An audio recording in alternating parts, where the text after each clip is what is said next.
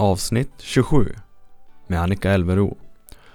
Annika jobbar som socionom på socialtjänsten och vi pratar mycket om yrket i sig och även hur läget är i Kiruna med ungdomar och alkohol och droganvändningen. Annika berättar även om tiden då hon överlevde sin cancer och hur hon kunde ta sig ur den jobbiga delen i sitt liv. Här kommer hon, varsågoda.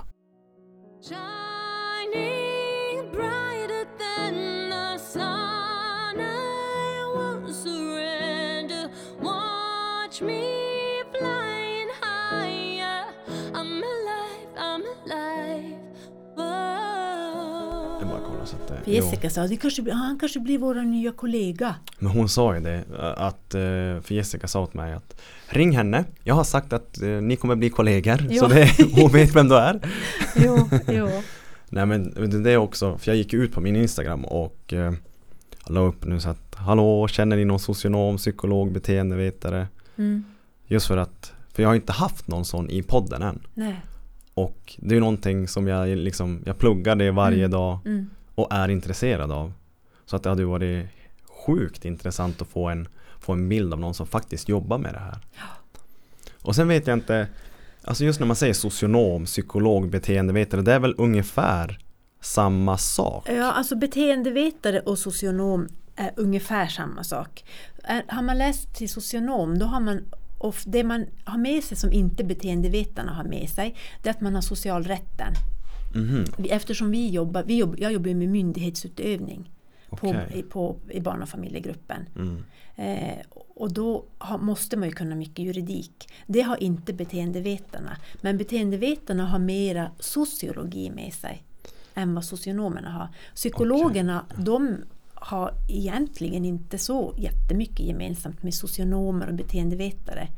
Förutom det här med att man förstår hur människan fungerar och så. Men de har ju också, de kan ju göra tester på människor och så. Så de har ju vet, neuropsykiatriska tester och Just, sånt. mm. Och det kan ju inte vi.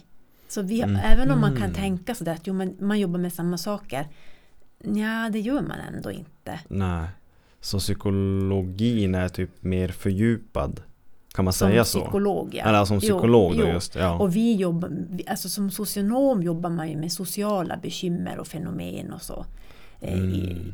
Och, och samtal. Alltså är man, säger man att man är kurator så är man ju oftast socionom. Just det Men man får inte jobba som jag då som jobbar i barn och familjegruppen, då måste man vara socionom för att man ska ha den här socialrätten. Eftersom vi gör Mm. typ, ja men omhändertar barn och sådana saker. mm. Och då, då sitter ju vi i förvaltningsrätt och vi skriver mycket yttrande till tingsrätten i vårdnadsfrågor och sådana där grejer. Och då måste man ha med sig den här eh, ja, men socialrätten som man inte annars kanske har. Man jobbar med försörjningsstöd eller man kanske jobbar med Mm. personer som har missbruksproblem och sådana saker. Just det, för Jessica nämnde också att eh, eh, för, att för att jobba på öppenvården så behöver man inte själva socionomutbildningen. Nej. Men, men det måste du ha när du Mm. jobbar med, med familj och Mm. vad är skillnaden där egentligen?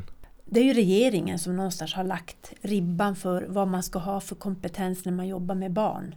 Mm. utifrån det här med barnperspektivet och barnkonventionens alla regler och så. Att man ska ha, och då är det ju, det, då är det ju socialrätten som man någonstans tänker eh, är det viktigaste. Och det Ja. behöver man inte ha om man ska jobba med samtal eller om man ska jobba med, med missbruksfrågor eller vad det nu än kan vara. Så Mm. det är ju regeringen som har lagt det och jag tror att det var 2014 som man gjorde någon sån där skärpning när det gällde just människor som jobbar med barn. Vad man ska ha för kompetens. Okej. Så- Och sen på ja. öppenvården jobbar man med behandling. Det gör ju inte jag. Jag jobbar inte med behandling kan, man säga, sättet. kan man säga då att du har mer typ fasta ärenden? Jo, det har jag. Och jag jobbar med utredning och, Och- okej, ja. och eh, verkställighet. Om vi har kommit fram till att det här barnet eller den här familjen behöver den här insatsen. Det kan ju vara till exempel att man ska gå på öppenvården och gå igenom föräldra, någon föräldrasamtal eller föräldrautbildning. Mm. Eller, då är det jag som ser till att det blir en insats och det är jag som följer upp den och har som ansvaret över det. Och, eller om man kommer fram till att men den här familjen ska ha något ytterligare eller man ska göra någon annan revidering av insatsen så är det jag som beslutar om de sakerna. Okej. Men jag jobbar också med någon med lite olika behandlingsinsatser ändå. Bland Mm. annat någonting som kallas för Repuls. Som är en eh, behandlings... Vad ska man säga? Det kallas faktiskt för en kurs. Mhm. Att man går en kurs. Eh, där man tillsammans då... Vi säger om, om du skulle bli beviljad en Repulskurs. Mhm. Då, eh, då är jag din forskare. Du är forskare och jag är forskarassistent. Mhm. Och det vi ska forska i är hur du handskas med vardagen. Om du har svårt att kontrollera dina impulser, kanske agera på känslor och så och inte tänka efter före. Så ska vi forska i varför blir det så? Och vad, Mm. vad kan du göra så att du inte hamnar i lägen där det blir tokigt för dig eller för någon annan? Så- Just det jobbar jag med i behandlingssyfte. ja. Mm. Mm, Alltså det, ja men det, det blir så här när, du- när du säger en sån sak då kommer det upp så här sju frågor i, i huvudet. Men hur, hur funkar det och blir det? Och men, så jag tänkte också på en grej eh, Skillnaden mot öppenvården när jag sa att du kanske har mer fasta ärenden. Mm. Mm. För öppenvården, jag kan ha förstått det fel, är det mer krissituationer? Att till öppenvården hamnar man om man kanske sen på bar gärning, jag är 15-16 år och så nej, nu, nu måste jag gå till gå på någon sorts behandling eller jag måste hamna Mm, någonstans mm. hos socialen som det heter. Nej, Men det kanske- Socialen, det är jag. Det kan ju- det är jag och mina kollegor. Nej, men då hamnar du i så fall, vi säger till exempel att polisen tar dig mm. en kväll. Vad har du gjort? Vad tycker du Ja att du har men gjort? säg att jag har rökt lite cannabis. Ja, eh, och då, det får man ju inte göra. Nej. Så det, då kommer det ju komma en polis. Det, dels blir det ju en polissak, ett polisärende av det. Mm. Men de kommer ju också göra en orosanmälan till oss på socialförvaltningen. Eftersom du är under 18 och, och, och röker hasch. Ja, Då. Ja. Eh, så då får du komma på samtal hos oss på socialförvaltningen i barn och familjegruppen eftersom du är 15. Mm. Och då träffar du eh, en sån som mig då, eller någon av mina kollegor. Eh, då inleder ju vi utredning. Just det. Mot familjen. Ja, så Eller vi, mot, Jo, vi, vi utreder ju dig men vi utreder också dina vårdnadshavare. ja. För att se varför, alltså, varför har det blivit så här för dig? Mm. Och vi kan ju utreda i fyra månader. Och under den tiden, vi säger om du, till, du till exempel har rökt hasch, då får du gå på öppenvården och lämna de här drogtesterna. Ah, okej. Ja, Men något jag också tänkte på, men säg att vi tar, vi leker med det här exemplet. För Mm. det är ju, vad jag får höra, ganska vanligt i just Kiruna. Att det är ungdomar som röker hasch. mm, Och nu får man ju även höra att det är tyngre grejer än så också. mm, mm, Men om den här ungdomen, säg då jag är 15 och jag kommer, kommer till er då. Och så har jag föräldrar som är kanske lite snea höll jag på att säga, de också. Utan de är inte heller på rätt spår utan jag har det ganska tufft hemma. Mm, mm. Kan det, ser det ofta ut så här i Kiruna? Eller är det för det ofta bra familje, familjeförhållanden? Förstår vad jag menar? Så hur, hur, hur ser det ut för den här 15-åringen i Kiruna idag? Just när man får höra att det är så mycket droger i rullning. Det, alltså de är så mycket yngre, de blir Mm. yngre och yngre. Mm. Men hur ser det ut hemma egentligen? Finns som inget, det finns inget klart svar på det faktiskt. För det är lite, jag tänker snea, men det kan ju se snett ut utifrån. Ja, Om man säger så. Och det finns ju de familjerna där man faktiskt kan se här finns det sociala problem som man antingen om man är ärlig, man är ärlig, man berättar att det är på det viset. mm. Eller att det kanske är någon annan som är orolig för den här familjen. Och, och då kan man ju gå in med insatser ganska snabbt. Men det finns ju också de familjer som på ytan, så det, ja, men man har liksom allt. I Kiruna har vi det gott ställt överlag. Det har vi ju. Eh, och det kan ju vara så att man, nej men, nej men, det ser ut som att det här är en helt vanlig Svensson-familj om man får säga så då. Men sen när, man, när vi gör då vår utredning så ställer ju vi jättemycket frågor. Vi pratar ju med ungdomen och barnet men vi pratar ju också med föräldrarna såklart. Och även med skola pratar vi med. Referentpersoner som vi kallar det. Det kan ju vara jag menar, en bonusförälder eller mormor eller farmor eller sådär då. Som vi Mm. också pratar med. Och då kanske det visar sig att men vänta nu, här finns det ju jättemycket bekymmer. Mm. Där även de vuxna behöver stöd. Och är det mindre barn, jag jobbar ju, jag har jobbat nästan mest med ungdomar om jag, säger, om jag ska titta tillbaka under alla år. Men det, nu jobbar jag om jag säger 50-50. Allt från bebisar till sådana som är Mhm. över 18. Men vad räknas som ungdom idag? I våran värld så är man ungdom från det att man är 13 tills Ja. man är 18 Okej. Och barn från 0 till 13 då. Ja. I våran värld. Precis. Men man är ju juridiskt sett ett barn ända tills man fyller 18. Mm. Men det är ju någonting som också händer där över 15 va? med Jo, straff för jo, skalor och ja.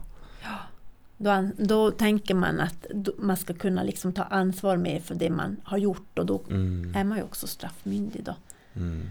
Men, eh, men det, alltså det jag skulle komma till att är det så att det är mindre barn, Ja. säger att man är kanske tre år och det har kommit in någon orosanmälan från förskolan eller något sånt, då är det ju oftast föräldrarna som kanske behöver st- stödja och ta hand om sitt barn. Mm. Så då, då är det ju insatserna riktas ju mer till föräldrarna då. Hur tar föräldrar ett sånt ärende? Alltså liksom när det som läggs upp i ansiktet på dem. Jag kan tänka Mm. mig att det kan bli ganska Alltså det är mycket ilska Som förälder om man får det där Nej fan vi har inget problem Ja, du tänker om någon har gjort en anmälan. Precis, ja, Ja. Jo, så är det väl oftast att man kanske reagerar. Men, men så, det tänker det är ju mänskligt. ja. Att man reagerar med att bli kanske förtvivlad och den maskerar man med att bli förbannad. Och vem fan har velat liksom göra det här mot oss? Eller Mm. ja men de vet ju ingenting om våran familj på förskolan. Om det till exempel är förskolan som har gjort en orosanmälan och så. Mm. Men jag tycker att jag och mina kollegor är ganska bra på att säga, men vet ni vad? Vi har någonting i Sverige idag som heter anmälningsplikt. Mm. Jobbar man på förskola, skola, var som helst, polisen, då, då måste man ju göra en orosanmälan till socialförvaltningen om man Mm. blir orolig för ett barn. Och oro, det handlar ju inte om att man ska veta. Det handlar ju om Mm. att man kan få det där. Säkert har du också fått det någon gång. Att man känner, vänta nu, man får som en sådär lite dåliga vibbar. Att vad är det här? Mm. Helst kanske, vi säger till exempel förskolan, de kan bli lite sådär orolig för ett barn. De kan ju inte sätta fingret på vad det är. Och Mm, det just räcker egentligen med att man har den misstanken. Att det här handlar ju om oro. Det är därför vi också använder uttrycket orosanmälan. Och förklarar man det att de och gör inte de, till exempel skolan då, den här orosanmälan, då gör ju inte de sitt jobb. Mm.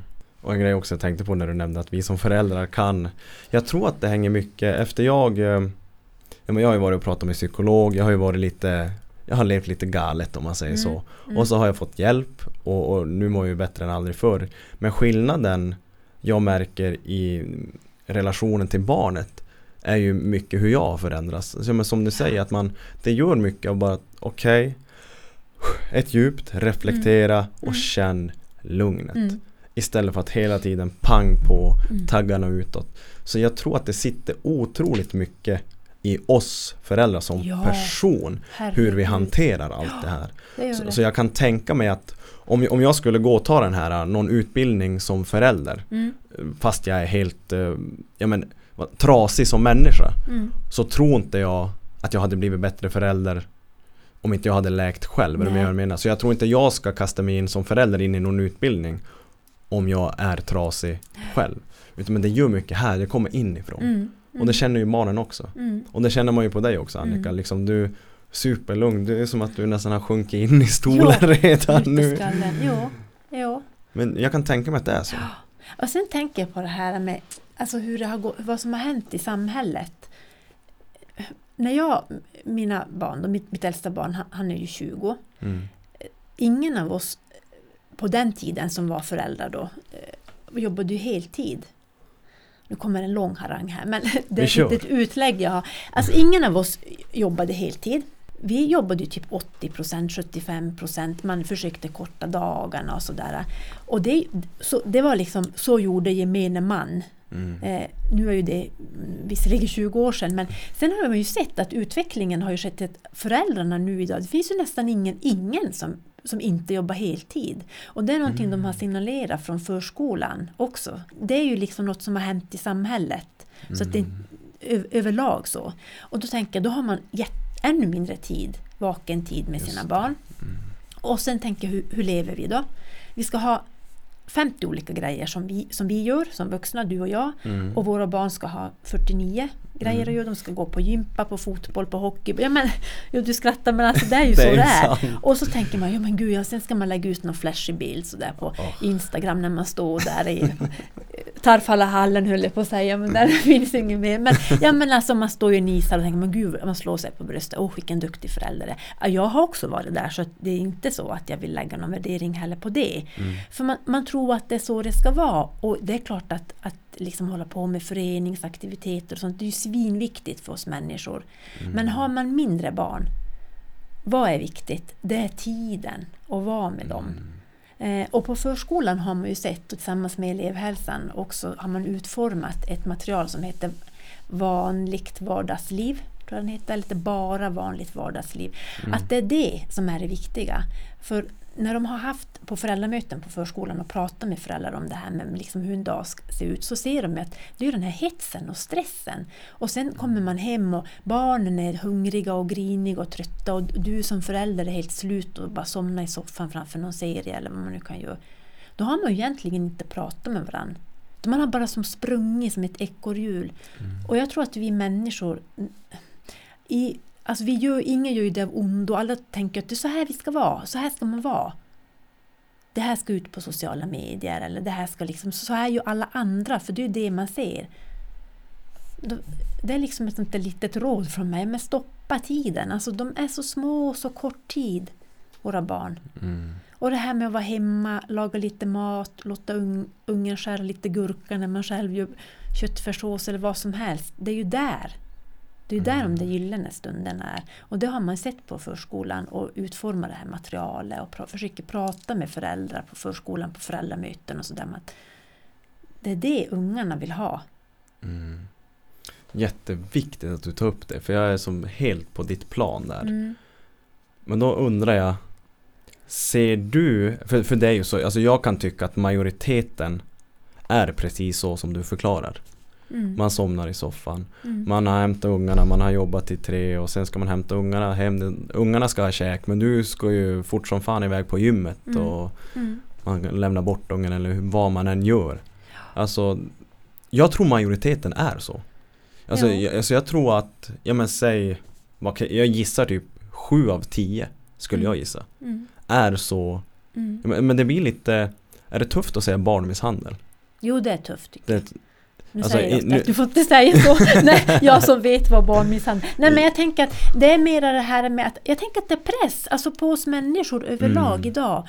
Alltså vi, det är ju skitbra att träna. mm, Alltså det, det ska vi ju göra som vuxna. Man ska ju ha den här eh, egen tid, vad nu det är. Men att, vet, att man liksom investerar i sig själv, det är jätteviktigt. mm, Men jag tror också att det blir någon sån här man tänker att man måste göra det hela tiden för att man kanske missar någonting eller man, Ja. man ska vara där eh, vars det händer. Och, så man ska som förverkliga sig själv samtidigt som man har de där ungarna, samtidigt som man ska lägga ut något inlägg. mm. Eller det liksom är något, så jag tänker bara att man var här och nu. Jo, jo, gå och gymma. Jo, gör Mm. det. Men du kanske kan gå och gymma då när ungen har gått och lagt sig eller? Mm, det Ja. får inte bli i bekostnad Nej. På liksom den värdefulla tiden Mm. med, med dig och barnet. Mm.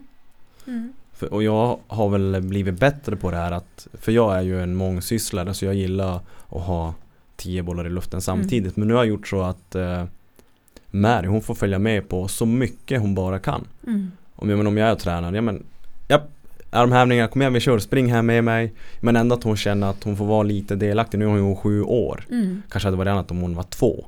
Men liksom nu är hon ändå så pass stor att Ja men det är laga mat, plocka in disken, gå ut med soporna. Mm. Nu har du här 40 kronor i, som du har pantaburkar för men vad vill du köpa? Så att man ändå Men hon får ta lite egna beslut, hon får vara med och ta beslut med mig. Och det känns, och det känner man ju när man går och lägger sig också. Man känner sig på något sätt rikare. Jo, Och sen kommer man på sig själv på kvällen. Uh, jävlar vad jag har många Instagram stories att kolla nu för jag har inte kollat telefonen på Nej. hela dagen. Alltså det är en sån Ja. skön känsla. Och man känner sig, det blir som en bekräftelse för dig som förälder också. Men fan idag var en bra dag. Mm. Och det tycker jag man ska, alltså man ska ta med sig det att man lägger ner den här tiden Jo. med barnet. Jo. Jo, det är jätte, jätteviktigt. Sen är ju, jag, jag älskar ju sociala medier. Jag tycker det är svinroligt. Jag som inte orkar prata med folk. Alltså när jag kommer hem från jobbet så orkar jag, orkar ju, jag gillar inte att prata i telefon till exempel. Jag tycker det är skitjobbigt. Åh oh, herregud. Eh, alltså jag tycker om att prata med folk. Men vet, du, jag har pratat med folk hela dagarna på jobbet. Så jag blir så bara trött. Och då är det ju jätteroligt att bara sitta och flippa och titta på Instagram. Och, Vad kan du sitta och scrolla på? jag kan... Jag inte sådana tråkiga grejer, men alltså träningsgrejer tycker jag om att titta Mm, på. lite Jag- inspiration kanske? jag blir impad av folk som liksom... Jag blir inte impad av sådana här rumpbilder och sådana saker. Det, det är inte min grej. Jag, jag, jag är för gammal för det. Jag får säga. Jag har suttit, men har vet suttit och när någon-. Ja. När någon har gjort något sånt där svincoolt, det blir jag jätteimpad av. Någon har, eller om någon har gjort något så här, klara av någonting som de inte trodde att de skulle göra eller något sånt där. Mm. Sen gillar jag ju eh, heminredningsgrejer, tittar jag på. Mhm. Alltså sån här, bara liksom sån här avkoppling för hjärnan. Mm.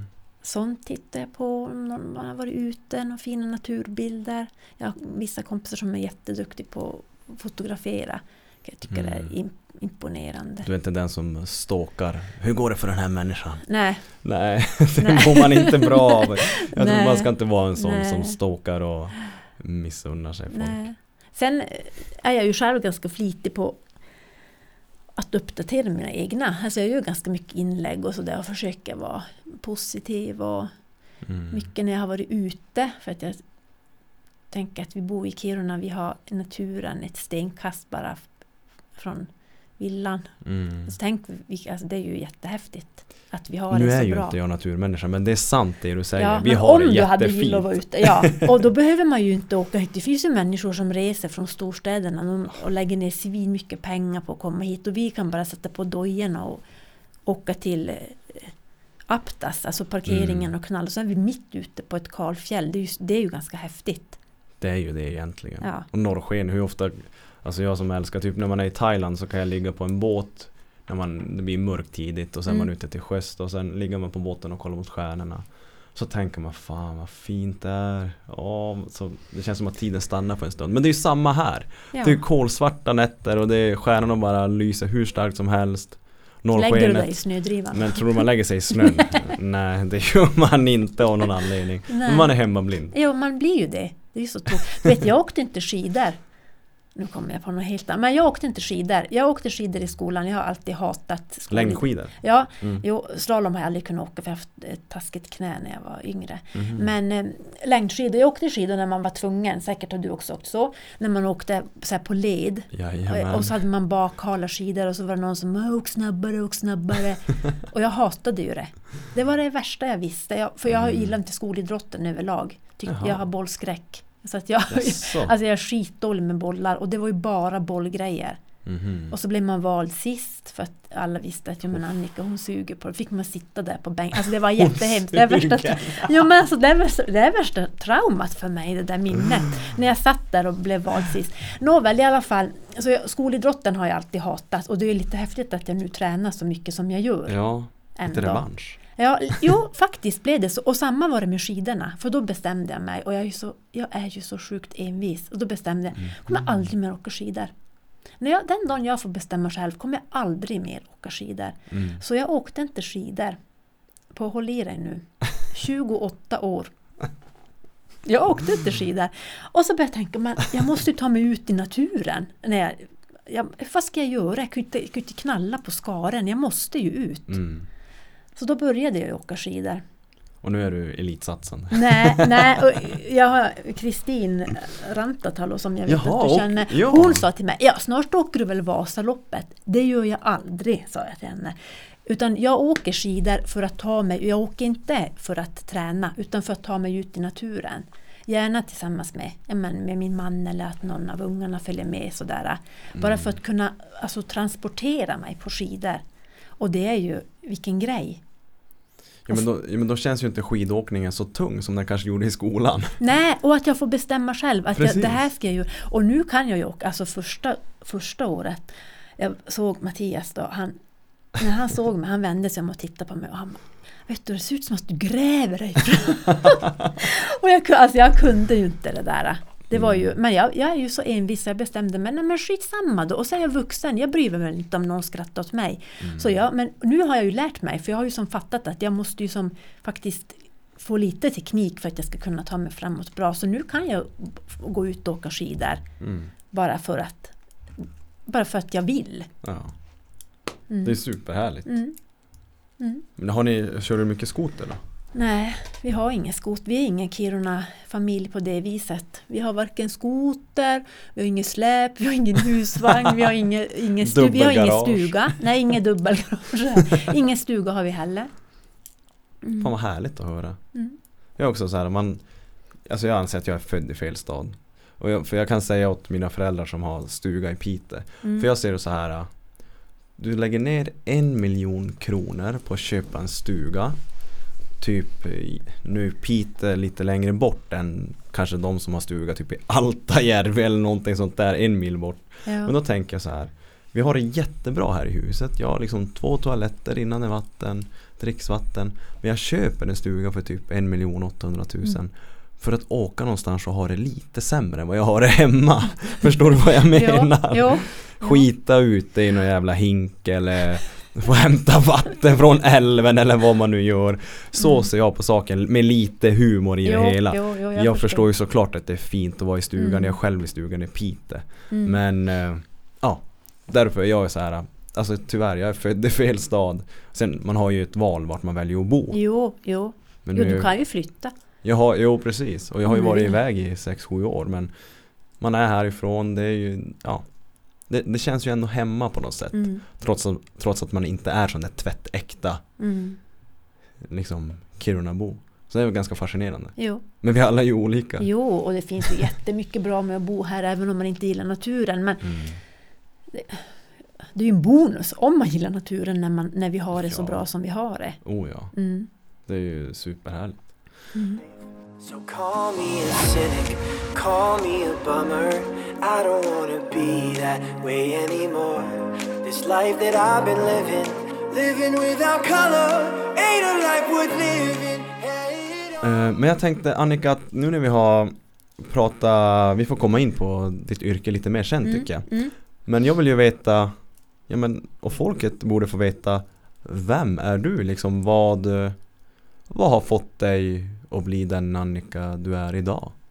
Du är Mm. född och uppvuxen i Kiruna Jo, Utan skoter kanske? utan skoter. Ja, nej men då hade vi faktiskt ark i Torneträsk när jag var liten, Jaha. mina föräldrar. Nej men jag är, jag är född och uppvuxen här. Eh, Mina föräldrar är från Tornedalen. Eh, Mm. Ja? Saitarova. Nej, inte finne, utan riktiga... Ja, pappa är från Tärendö och min mamma är från Saitarova. Och i Saitarova är vi hyfsat mycket. Ja, ja. Vi hade nog velat vara där mer, men eftersom vi håller på med det här med hockeyn, inte då jag utan min man och min son, så, så blir det... Ja, du vet ju själv att helgerna försvinner ju, veckorna Mm. försvinner ju. Så att, men någon gång då och då är vi där. Mina föräldrar bor mer eller mindre i Saitarova. Mhm. Nej men här har jag två bröder. Uppvuxen på Lombolo. Mhm. Så du känner dig som hemma just nu? Jo, jo det gör jag. Det gör jag. Eh, ja, jag tycker att jag har haft det bra. Jag är stora syster. Mhm. Alltid varit duktig flicka sådär. På ett eh, ja, positivt sätt att det liksom, jag har tagit mig fram i livet men negativt på att ja, det kommer ju mycket ont med det också. Mycket press, mycket stress. Var du den här äh, MVG-barnet i Jo, skolan? precis. Mm. Mm. Jag satt med, jag hade jättetjocka glasögon, satt och läste en bok. Jaså. Så min pappa beskriver, ja, du satt alltid med näsan i en bok och läste. Mm. Eh, hade, när jag var i tonåren var det väl. Jag tror inte att jag har varit den lättaste tonåren att ha, tonåringen att ha i ett hus om jag säger så. Varför tror du det? Nej, men jag har alltid varit envis, alltid sagt vad jag tycker. Eh, Har folk tagit det dåligt? Att du är en sån som säger vad du tycker? jo, och är rak? jo, det, tyck, jo det, jo, det har de vissa. Mhm. Och jag bråkade jättemycket med min pappa. Alltså vi är så himla lik varandra så att det var ju Jag vet inte, det var många dörrar som, som det smälldes i och, Nej men Ja, det var en tuff tid för mig och för mina föräldrar. Mm. När man blir vuxen så börjar man ju se på saker i ett annat perspektiv. Så att herregud, inte kan de ha haft det lätt Nej. med mig. Alltså, och det är ju någonstans ändå ganska skönt att kunna säga det, för det är ju att ge dem också lite. För klart, jag tyckte att de var störd i huvudet på den Mm. tiden. Men nu när jag är vuxen kan jag säga, men de gjorde ju faktiskt så gott de kunde. Mm. Så jag var nog ganska stökig sådär. Drack du tidigt och Jo, sånt där? det gjorde jag. Gjorde jo, det? jo, det gjorde jag. Säger jag nu som i princip är nykterist, men det är av andra anledningar som vi kan komma till sen. Men, Mm. men jo, jag var, det var mycket sådär, äh, sa att jag var, skulle på ett ställe och så var jag någon annanstans. Och morsan och farsan de försökte nog och kom hem sådär och var inte i något bra skick. Och, nej, men, nej, det Hur gammal hem- var du när du tog första fyllan?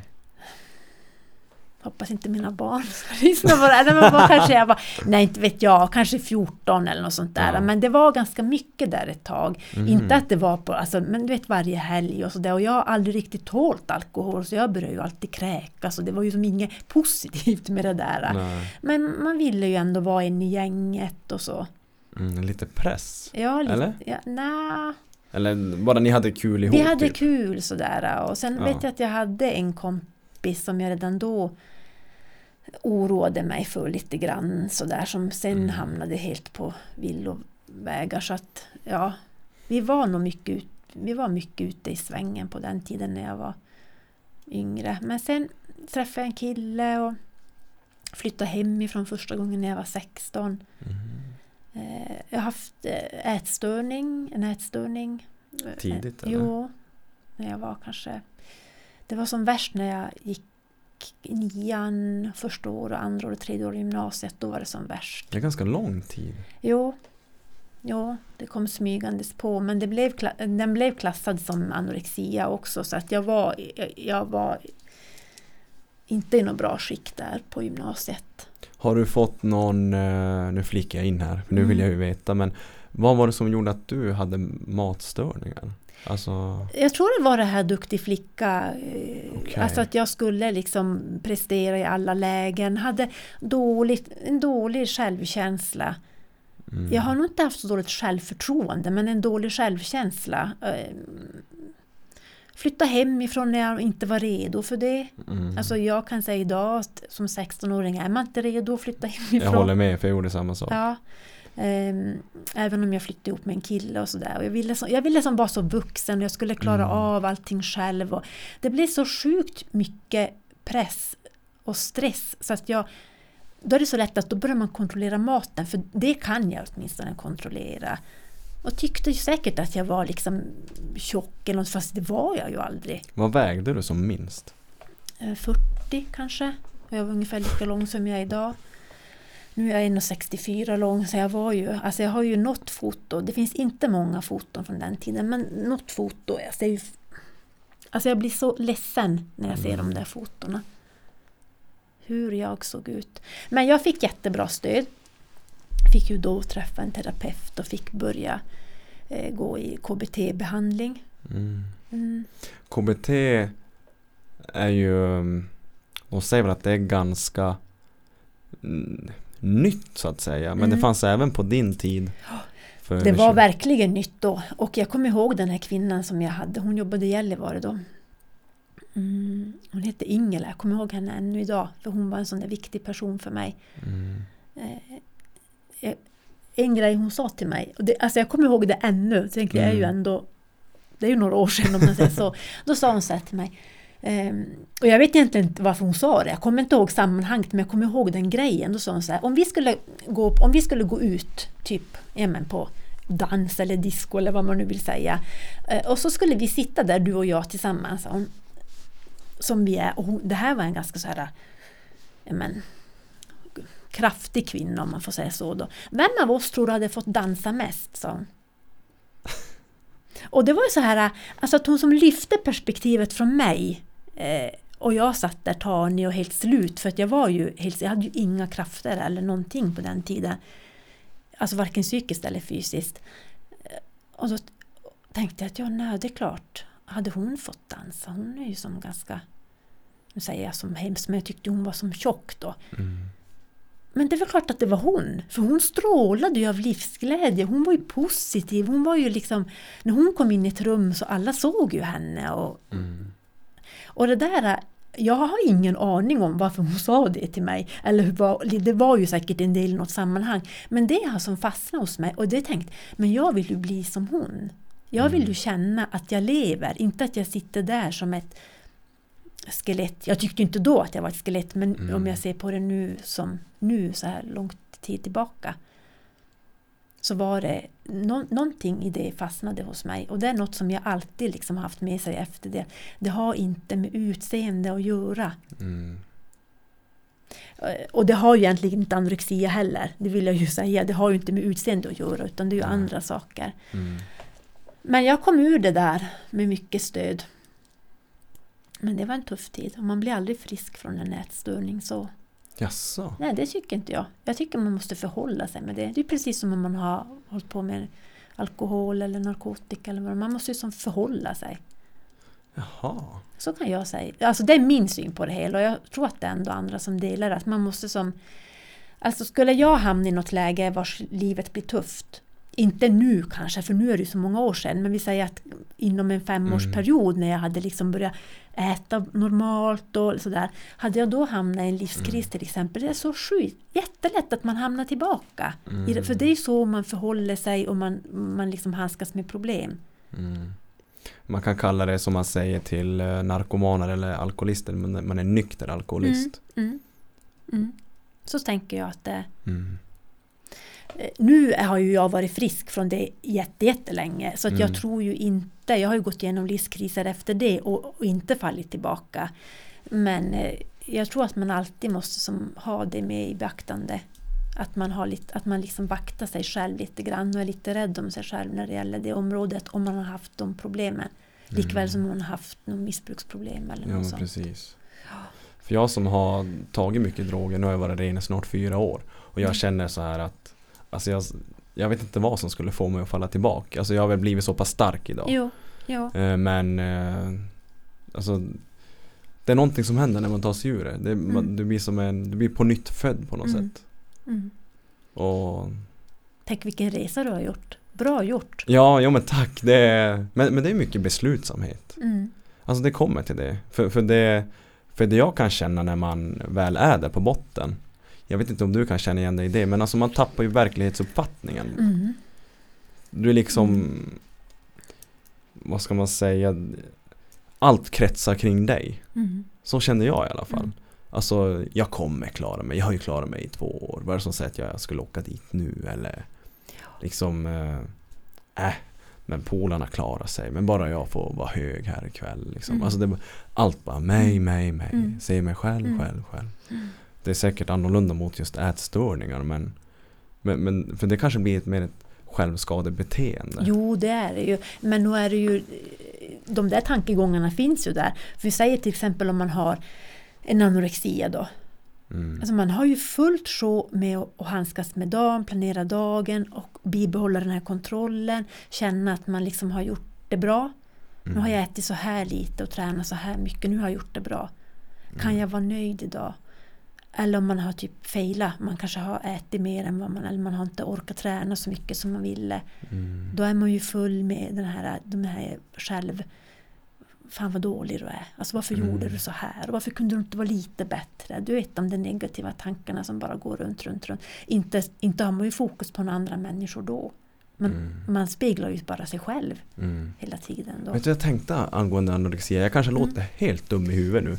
Men som tjej, Mm. former är ju, det kanske var annat förr. Men vad hände om du är 1,60 lång och väger 40 kilo? Mm. För det första, liksom tjejer, det ju vara former, det är de här rövbilderna på Instagram. Ja, Och man ska ha, ja, brösten ska synas. Men är du, har du anorexia så har du ju, du är platt. Du har ju inga former. Nej. Så man, alltså, för det är det jag tänker bara, vad händer i, i hjärnan? Alltså man glömmer som bara, du ska bara bli smal, smal, Mm, smal. Skada mm. dig själv, själv, själv. Mm. De där rövbilderna, de har ju kommit... Det är säkert de, nyare. ja, de är, det är som ett nytt fenomen. Tidigare tror jag inte att man... Och det, jag kan tycka så här, fasen vad bra.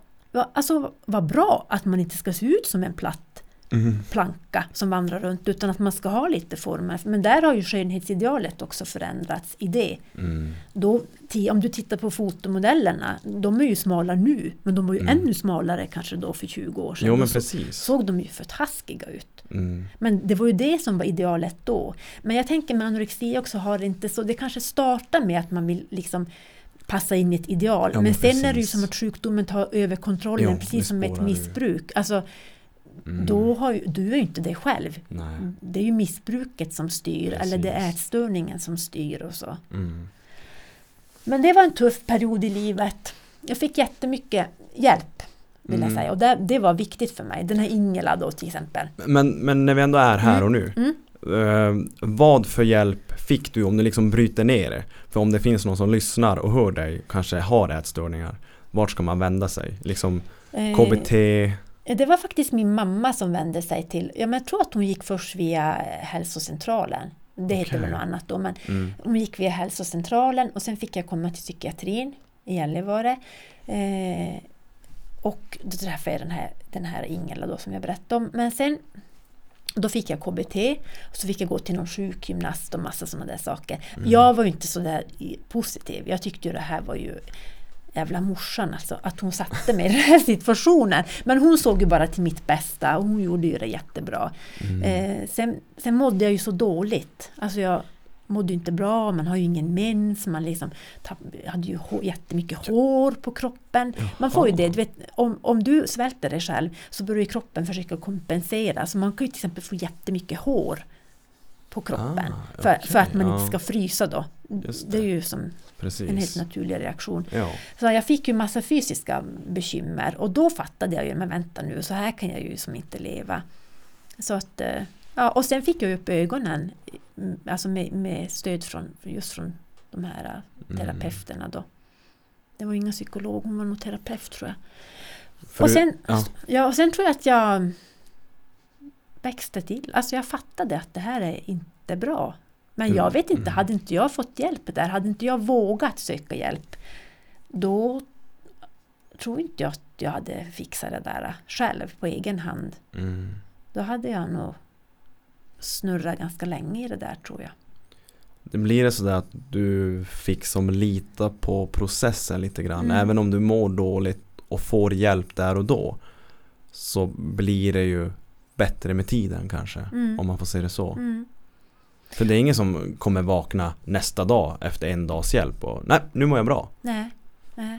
Det var lite som att de... Alltså jag gick ju dit motvilligt. Tyckte Mm. att det här var ju inget bra. Men sen... Ju mer de liksom jobbade med mig, och de är ju säkert van med att man... För men det finns ju sådana som anorexia som måste tvångsvårdas för att de, de håller på att dö och de inser inte det. Jag var ju inte så, så sjuk var inte jag, det ska jag Men säga. 40 kilo Jo, är ändå. Jo, jo det, jag, var, jag, var inga, jo, det, jag var väldigt tunn så. Men i huvudet var jag kanske inte så. Nej. Det hade inte gått ätit sig in i min personlighet på det sättet. Precis. Så att de lyckades ju. Eller så var, de, så var det de, alltså terapeuterna som var så himla duktiga. Eh, Jag, fick ju, jag flyttade till Umeå sen när jag hade gått Mhm. ut gymnasiet och då fick jag fortsatt stöd där också. Eh, Och de var också jätteduktiga där. Mm. De jobbade mycket med min mamma också. De involverade henne också i, i eh, den här terapin. Hon fick också vara med och ha egna samtal och sådär. För man såg att det här har ju inte bara... Jag tänker om någon blir som sjuk i en familj så kan det kan ju egentligen vara hela systemet som är Jo men sjuk. precis. eh, att man är bara som ett symptom på. Jag tänker att de här konflikterna med min pappa hade ju varit Mm. hade gjort att jag kanske inte hade den bästa självkänslan. Eh, och det har vi liksom kunnat prata ut om sen och vilket har varit jättefint för mig, har hela mig i det. Mm. Så att alla, de, att alla de där bitarna föll på plats gjorde nog sitt tror jag. Mm. För sen flyttade jag, flyttade ju då, som, för det var då jag tänkte nu ska jag jobba med människor. Hade du med dig pojkvännen då? Eller hade det? Eh, De byttes ut där. På, Var du en player? nej, det ska jag väl kalla en inte säga. player? Ja, Nej, men, nej, men de, jag, jag flyttade faktiskt ur, men då var jag, hade jag ingen. Mhm. Då, jag visste inte ens var jag skulle bo. Och jag blev sambo med en kille som jag träffade på krogen. Ja, men han, hade ingen, han hade ingen att bo med eh, och jag visste vem han var. Jaha. Och jag, fast jag kände inte honom. Utan vi skulle som, ja men vi träffades i Kiruna. Bara, ja men vad ska du köpa? Jag kan köpa gafflar och knivar och du tallrikar typ. Och så flyttade vi till, han hade bott i Umeå ett tag innan. Men så flyttade Mhm. jag in hos honom. Och jag kan säga han nästan min bästa sambo. Genom tiderna. Alltså bo med en kille man inte är kär i. Jaha, så ni hade aldrig någon sån relation? Nej, aldrig. Han gillade ju någon av mina, han var väldigt mycket för mina, mina student eh, tjejkompisar där. Eh, Men han tyckte det var guld att bo med mig. Du vet, det var jättemycket tjejer som kom och hälsade på. Men nej, vi hade absolut ingen. Det var helt platoniskt. Jaha. Men jätte, det var en jätte, jättetrevlig tid i mitt liv. När jag Mm. pluggade och jag mådde så bra då. Mm, då har du Mm. kommit på fötter Jo, och, Ja. och, liksom, och nu har du bestämt att du ska jobba med människor. Mm. Mm. Vart föds den idén? Jag hade ju svinbra betyg när jag gick, ut gymnasiet och min mamma sa men du måste läsa till eh, jurist och börja jobba som advokat. Då tjänar man mycket pengar. Mm. Ja, ja, tänkte jag. Och så satt jag och tänkte, vad ska, jag- vad ska jag? Men socionom, jag vill nog jobba med ungdomar. Jag ville bli skolkurator. Mm. Det har varit min dröm. Jag har provat att jobba som skolkurator. Det var också kul. Men eh, det är mycket roligare att jobba på socialtjänsten. Har jag genom tiderna tyckt. Mm. Skolkurator också jättekul jobb. Alltså jätte, jätteroligt. Mm. Men Hur lång är utbildningen? tre och ett halvt år. Okej. Mm. Känner du att eh, det låter länge? I alla fall för mig. Tycker du? Ja. Känner du att man, att det är lite bortkastad tid, vissa typ grejer? Men det kanske det alltid är. Jag har ju inte studerat på högskola så, utan nu läser jag bara på distans och i, ur böcker. Så jag känner Mm. väl inte av den här uh, själva skolkänslan på samma sätt Nej. som man känner i universitet. Du tänker att om några sådana här kurser och det kändes Men bara- man får höra liksom som Pola nu ska bli läkare eh, Hade pluggat typ två år tror jag, ingenjörgrej och sen bara nej, nu ska jag bli läkare bara fem år till Och vet jag som är skoltrött från början uh, du vet, uh, Då blir det sådär, alltså när någon säger bara men jag har pluggat tre och ett halvt år Mm. Jag blir såhär bara Va? Tre och ett halvt år? Ja, Det, det låter så länge Ja, för att, I de här tre och ett halvt åren, nu har de gjort om socionomutbildning, de har gjort om den några, några gånger. Mhm. Men man har ju alltid praktik. Eh, och då, då hade jag först en sån här, jag tror det var termin, vänta vad blir det, en, två, tre, termin sju mm. hade en lång praktik, termin fyra hade en kortare praktik som jag gjorde i Umeå. Men termin Mm. sju, då har man som praktik hela den terminen. Okej, ja, ja det räknas som in i utbildningen Just det Mm, och då är, jag tänker att det är nästan den viktigaste delen av utbildningen. Men det är ju det Mm. För det är ju i arbetslivet som du lär dig. Jo, Där får du ju se ja. verkligheten. jo, Så då gick du bara på sidan med en annan socionom då eller? jo, precis. Okej, och du kände fortfarande hur fan det här vill jag göra? Jo. Det är ju surt om man ångrar sig när man har läst, läst redan. Och så är man nästan klar och bara, oh nej det här vill jag inte göra. Så att, nej men jag fick en eh, jätte, jättebra handledare. Mm. Hon hette Gabriella. En sån här som riktigt brann för jobbet. Bara, Åh, det här blir jätteroligt och det här ska vi göra och det här är spännande. Hon hade också jobbat ganska länge och tyckte fortfarande att allt var som spännande. Sådär. Mm. Litet yrväder med lockigt hår så det gällde verkligen att vara snabb när man skulle hinna med henne. Men hon var också väldigt sådär, hon bjöd in mig och lät mig ta eget ansvar och sådär. Och att Mm. Ändå fanns hon där vid sidan om jag, om jag liksom skulle känna, men vänta nu det här, jag fattar inte hur jag ska göra det. För det är ju lite läskigt när man börjar. Mm, så du fick som ha egen kontakt Mm. med klienten eller vad man Jo. ska säga? Jo, Mm. jo det fick jag. Fan vad läskigt. Jo, det var läskigt. Det sitter jag och så visualiserar, bara tänk mitt första möte med någon. Ja. Vad fan ska jag säga? Ja. Och det är ju ännu läskigare om det sitter någon bredvid och tittar på hur, vad du Ja. gör. Ja, Men det hör väl till. jo. Jo. Man måste ju lära Jo, man sig. måste. Och sen tänker jag att du, då är det ju bättre där att man säger till de här då. Vi, först när jag började jobba på socialtjänsten hette det klienter, sen har det hetat kunder, nu heter det brukare. Man har ändrat det där Mm. begreppet. Men med liksom de här första brukarna då, om man får säga så, då är det Mm. bättre att man säger det till dem. Alltså vet ni, alltså jag är ny på det här. Att man är ärlig sådär. För att de allra flesta människor respekterar ju det. Mm. Än om du skulle säga, låtsas som att du kan någonting du inte kan. Jo men precis och det, det jag, jag har just blivit färdig med det den uppgiften i det jag läser nu. Mm. Du kan stöta på motstånd. Mm. Och det är ju just det sånt där äh, nya hjälpare kan ha problem med det. Mm. Om man nu, i mitt fall kallas det hjälpare. Okej. Eh, det var- Vad kallas, vad kallas du som, eh, när, när du sitter där med en klient? Jag som ska bli alkohol och drogterapeut kallas hjälpare. Mhm. Vad är, vad är din, typ så här uh, den officiella eller den... Nej men min titel är ju socialsekreterare. ja, Ut, som, utifrån att jag jobbar i barn och familjegruppen. just Jobbar det. man, om jag hade jobbat på öppenvården så hade jag kunnat kallas för behandlare kanske. Ja men precis, ja, det är Ja. lite olika sådär. Mm. Behandlare, hjälpare. Ja. Mm. Soskärring, Får du höra det mycket? ganska ofta. Får du det? Ja, och jag, jag tänker så här, okej, ja, ja. Alltså inte av, inte av föräldrar. Men ungdomar kan ju säga. Och det, de kan ju säga det, sostant. Också sådär. Och Mm. jag tycker inte att, kärring är väl inte så vackert ord, men för mig är inte det liksom det klingar inte så illa. Det biter inte. Nej, det allra bästa, det jag egentligen vill att de ska, vet du när jag blir som lyckligast? Mm. Det är om de säger Annika. Mm. Ja, jag men tror du jag skulle säga Annika. när de säger snygging. nej, nej då. Det tror Men jag inte att mina, mina brukare, de tycker nog att jag är en tant. Men när de kan kalla mig för förnamn. Mm. För då, då vet jag att då har jag blivit en viktig person för dem. Mm. Då är jag inte bara en sostant i mängden, utan då är jag en viktig person. Så det är någonting jag strävar efter. Att Men- bli ett förnamn. Men det, det är faktiskt helt, helt sant det du säger. För jag läser ju mycket, förutom då pluggandet, mycket så här böcker. Om typ självhjälp, ja men hur ska vi vara med andra människor? Hur får Mm. vi kontakter? Och där är vad, en av de här punkterna då är just Vad är det finaste i dina öron Annika? Jo det är ju ditt namn Annika. Mm. Som man tilltalar, ja men vill du knyta nya kontakter eller liksom fånga din uppmärksamhet. Mm. Då, då säger jag, ja men Mm. Annika, Mm. Annika. Mm. För det klingar så fint i dina öron. Ja, Och när då- man och- hör om sig själv. Ja. ja, nej men så tror jag det kan vara. Och Mm. jag tänker just för, för föräldrar, jo det är klart att det är viktigt att få en relation med dem i, i mitt arbete.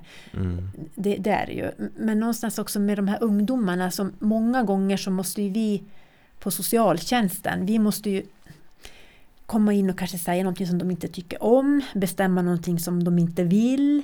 Mm. Eh, Men om man där kan göra det på ett respektfullt sätt och ändå vara det här förnamnet, då tänker jag, Mm. då har man lyckats någonstans. Mm.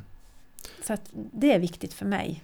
Jo, ja, jag, jag håller helt klart med. Hur, nu blir det så här typ terapeutsnack här mellan Ja. dig och mig för vi som, när jag läser det. Hur handskas du med motstånd? I jobbet alltså. Ja, i jobbet då liksom. Vi stöter ju på jättemycket motstånd i barn och familjegruppen. Mm. Jag tänker de flesta människor som kommer till oss först, vi pratade lite om det här med om det kommer en anmälan och så, hur reagerar man? Om jag skulle säga, men nu ska jag komma och utreda dina barn. Och så tänker Mm. man utredning, och vad fan är det? Ska de komma och kolla hur det ser ut hemma hos oss?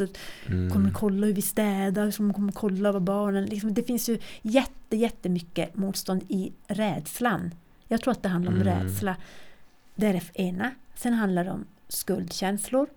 Oh, shit, har vi verkligen gjort rätt? Liksom, vad, har, har, det här, har vi någonting som vi känner att vi liksom borde ha gjort på något annat sätt? Och sen är det skammen. Mm. Alltså socialtjänsten. Vem, vem går med jättelätta steg till socialtjänsten och tänker jippi? Det är ju jättemycket skam i det också. Mm. Och skam och skuld, det är de känslorna som aldrig för med sig någonting positivt, tycker jag då. Och man får som ingen kraft heller ur det. Mm. Eh, utan man blir ganska så här, åh, man blir maktlös och känner att man blir som liten. Och om du tittar på liksom ett barn som skäms, hur ser de ut? De ser inte ut som att jippi, nu ska vi ta tag i det här. Utan man försöker gå inåt, man sitter liksom och har, träffar man människor som är på det sättet så måste man, det är det första man måste göra. Då måste man vända på det här. Genom att berätta om vad socialtjänsten är, vad gör vi? Man är, alltså, inform, information är svinviktigt. Mm. Upprepad information, det här kommer vi göra. Lite avdramatisera om man kan göra det. Ganska ofta är det ju skarpt läge när vi kommer in. Då kan vi inte avdramatisera, då måste vi bara förklara. Det är det här vi ska göra. Mm. Så att, att man försöker förklara Och försöker visa att vi, vi, vi vill er inte illa, vi vill Precis. hjälpa. Mm. Ja, och det är lite det jag, har fått, det jag har fått lära mig också. Mm. Att vi är ju Vi är ju där för deras skull. Mm. Och vi vill ju se till att de får en bättre framtid. Mm. Och jag som jobbar med barn, jag är ju där för barnens skull. Mm. Till syvende och sist för barnens skull. Föräldrarna kommer, de vuxna kommer alltid i andra hand. Och det är inte alltid så att det, det jag bedömer är till barnets bästa är samma sak som föräldrarna tycker är till barnets bästa. Mm. Så det kan, där kan det också bli en, ett motstånd och en intressekonflikt och jättemycket sorg kan det bli i det. Mm. Men hur skyddad är du i dina beslut? Kan dina beslut överklagas på något sätt? Jo, och ja, människor överlag, om man jämför med hur det kanske var för 10 år sedan, 15 år sedan, de är jättebra på att överklaga och anmäla Mm. och klaga. Alltså man kanske klagar till cheferna, man kanske vänder sig till IVO. Det kanske du har hört talas om, det, om man är jättemissnöjd med något beslut eller bemötande eller vad det nu kan vara. Så kan man det kan ju vara från, från landstingets sida eller regionens sida också. Så kan man, an, man kan anmäla det till IVO då. Mm. Eh, och, och ju, då gör ju de en utredning och så har det här verkligen gått rätt till. Eh, men sen kan man ju också överklaga vissa beslut till förvaltningsrätten. Just det. Mm.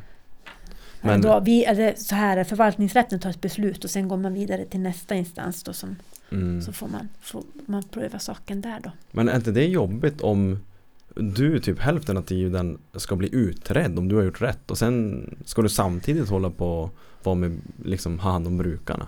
Mm. Det har faktiskt aldrig hänt mig att jag mig personligen. Jag, Jaså? jag förstår inte vad, jag, om jag, vad, det liksom är, men jag har aldrig hamnat i de lägena. Eh, jag brukar alltid hänvisa folk till, om de blir jättearga på mig, för det händer ganska ofta Mhm. i vårt jobb. Alltså de blir inte arga på mig personligen, utan på min yrkesroll. Precis, Eh, ja. Eh, och då eh, brukar jag säga, men vet du vad, jag tycker faktiskt att du ska ringa till min närmsta chef, eller jag tycker att du ska jag kan Mm. hjälpa dig. Du, här, får du här får du telefonnummer, mailadress till min chef. Vänd dig dit om det är någonting. För det är också så här att det må vara jag som levererar beslutet. Men det är inte jag personligen i alla lägen. Jag har ju min arbetsgrupp också med mig. Vi fattar ju Mm. beslut. Är det så här jätteskarpt läge så är det ju inte bara jag som sitter på min kammare. Ja, undrar om jag ska bestämma det här. Nej. Utan då är det ju mina kollegor och min chef. Mm. Eh, och då får, de, då får de gärna vända sig då. Brukarna får gärna vända sig till chef. Jag tycker det är bättre att man hänvisar folk till att göra det. Så Mm. får man saken prövad av flera andra också. Sjukt intressant tillvägagångssätt. Mm. Alltså verkligen starkt. Alltså kan jag Ja. känna av dig att liksom, ja men nu har ju du gjort det här så pass länge Mm, men ändå mm. att du liksom det här, är din, det här är din yrkesroll. Du har liksom, du har Mm. styrkan att här, Mm. ring min chef. Mm. Du är bara cool, lugn. Jag kan tänka mig också vilken relation du måste ha med din chef. Alltså ni måste ju verkligen lita på varandra. Mm. Ja, det är A och O. Ska man ha ett sånt här tufft jobb Mm. För jag tror faktiskt utan att jag har inte jobbat med så mycket, många andra saker än det här, men jag tror överlag att det här är bland det tuffaste man kan jobba med, barn som far illa. Det låter som det. Faktiskt. Och då tänker jag att då måste man ha en, man måste ha en uppbackning. Man, man måste ha en tajt arbetsgrupp, det har jag. Alltså mina kollegor, de är guld värd för mig. Mm. Alltså jag känner mig så trygg med mina kollegor och jag vet att vi backar upp varandra. Och det måste man ha. Och sen har vi ju en arbetsledning som också litar på kunskap, vet att vi gör våra bedömningar för att vi har den kunskapen med oss. Kunskapen alltså rent generellt men också i just den här familjen, i det här ärendet. Precis. Eh, så att jag, och sen pratar vi med varandra och vi tar ju upp det och pratar ideligen om nu tänker vi så här, är jag på rätt väg och så i vår Mm. arbetsgrupp. Jag kan tänka mig också att, att just eh, ha yrket, ja men börja jobba hos socialen. Jag tror att det är inte som att söka ett jobb på Statoil och extra knäcka lite utan det här jobbet det bestämmer man sig för att Mm. ha. Mm. Och på Mm. så, man brinner verkligen för att Jo. jobba med andra människor. Det låter inte som att om jag skulle vara helt ointresserad, fan jag har gått arbetslös fyra månader, farsan tvingar mig till något jobb, ja men jag tar det här på socialen. Nej, Det hade inte nej. funkat. Nej, det hade inte funkat. Nej, för det är verkligen... eh, Alltså det är ju ett, jag brukar säga att jag har världens bästa jobb. Och det är många som säger så, men jag, jag tycker faktiskt helt ärligt att jag har det. För jag har fått träffa barn eh, och ungdomar och föräldrar också för den delen. Men jag känner verkligen att jag har ett meningsfullt jobb. För många gånger har man jobbat så här länge som, som jag har gjort, då har man ju de här goda exemplen och plocka fram de dagar det känns som att nej men fy fan vad tungt det här är. Då kan jag tänka, men det gick ju ganska bra för han och hon och sådär. Sen har jag ju icke goda erfarenheter också med mig. När det har gått snett, när det verkligen har gått snett. Och det kan man ju också få en drivkraft i att nej men fasen det får inte bli som det blev den gången. Och jag tänker inte att det handlar om mitt agerande utan jag har ju bara varit en liten pusselbit, en bricka i liksom hela det här som har hänt kanske i en, i en persons liv. Men en viktig sådan tror jag. För, för har man ett sånt här jobb som jag har så sitter man på ganska mycket makt att försöka förändra.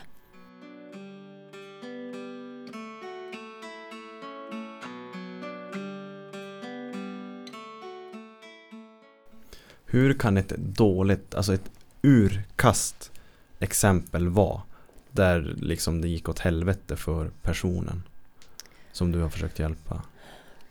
Ja, jag har ju vissa som jag har jobbat med som inte lever längre. Mm. Som har kanske valt att inte leva längre eller eh, indirekt har valt genom att man har missbrukat så pass mycket som man har dött till slut av det. Mm.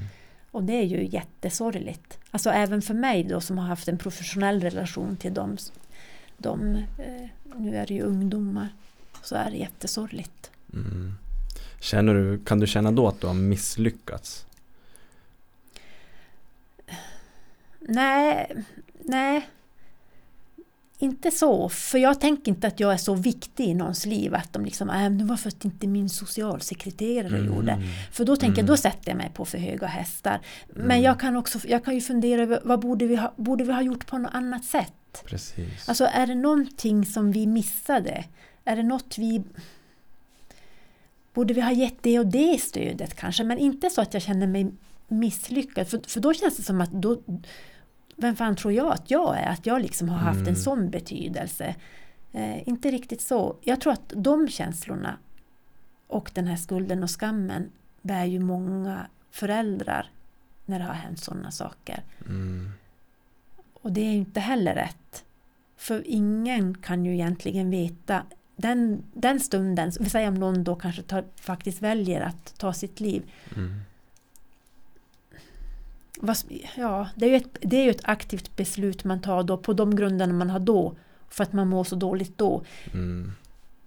Jag tror inte att någon annan människa kan påverka det beslutet när man väl har hamnat så långt.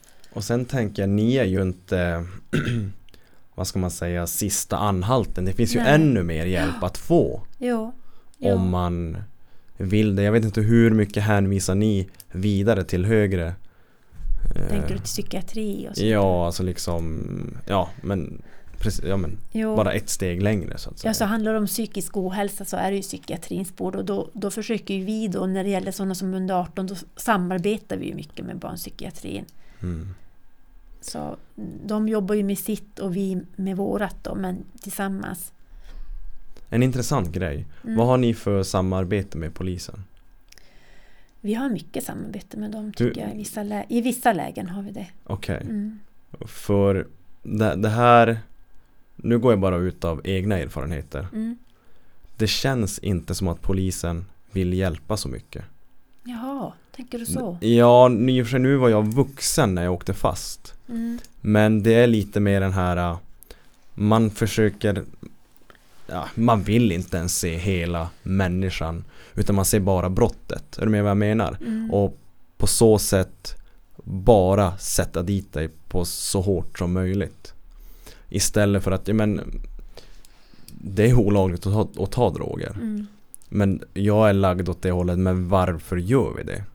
Och där tror jag att polisen kan som liksom första bemötande liksom om, om ja men när jag blev tagen av polisen när de vinkade in mig, alltså jag kände ju Jag är körd Det, liksom- det kommer gå åt helvete. Nu var det ju kanske det jag behövde. Mm. Men jag kände ju även att Ja men den här skammen, alltså vad Mm. fan har jag gjort? Mm. Om jag då hade haft en polis som pratar med mig Alltså liksom istället för att vara otrevliga, Mm. uppkäftiga där då kanske, men säg att de sätter dit mig, det hade jag kunnat köpa men samtidigt om deras bemötande hade varit hjälpsamt på något sätt istället för att Ja, för jag har varit ren i snart fyra år. Jag berättar även i mitt, i mitt avsnitt i, i den här podden där Jag har varit ren i snart fyra år.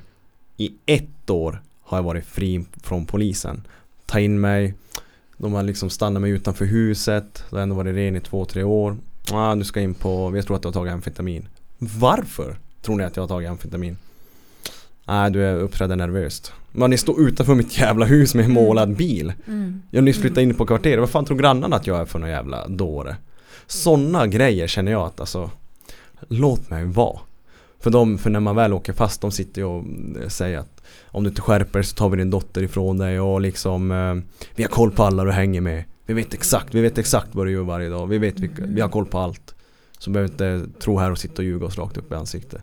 Men om de har så jävla koll på mig, vad fan står ni utanför mitt hus? Då borde ni veta att jag varit ren och inte hänger med någon av dem jag hängde med då.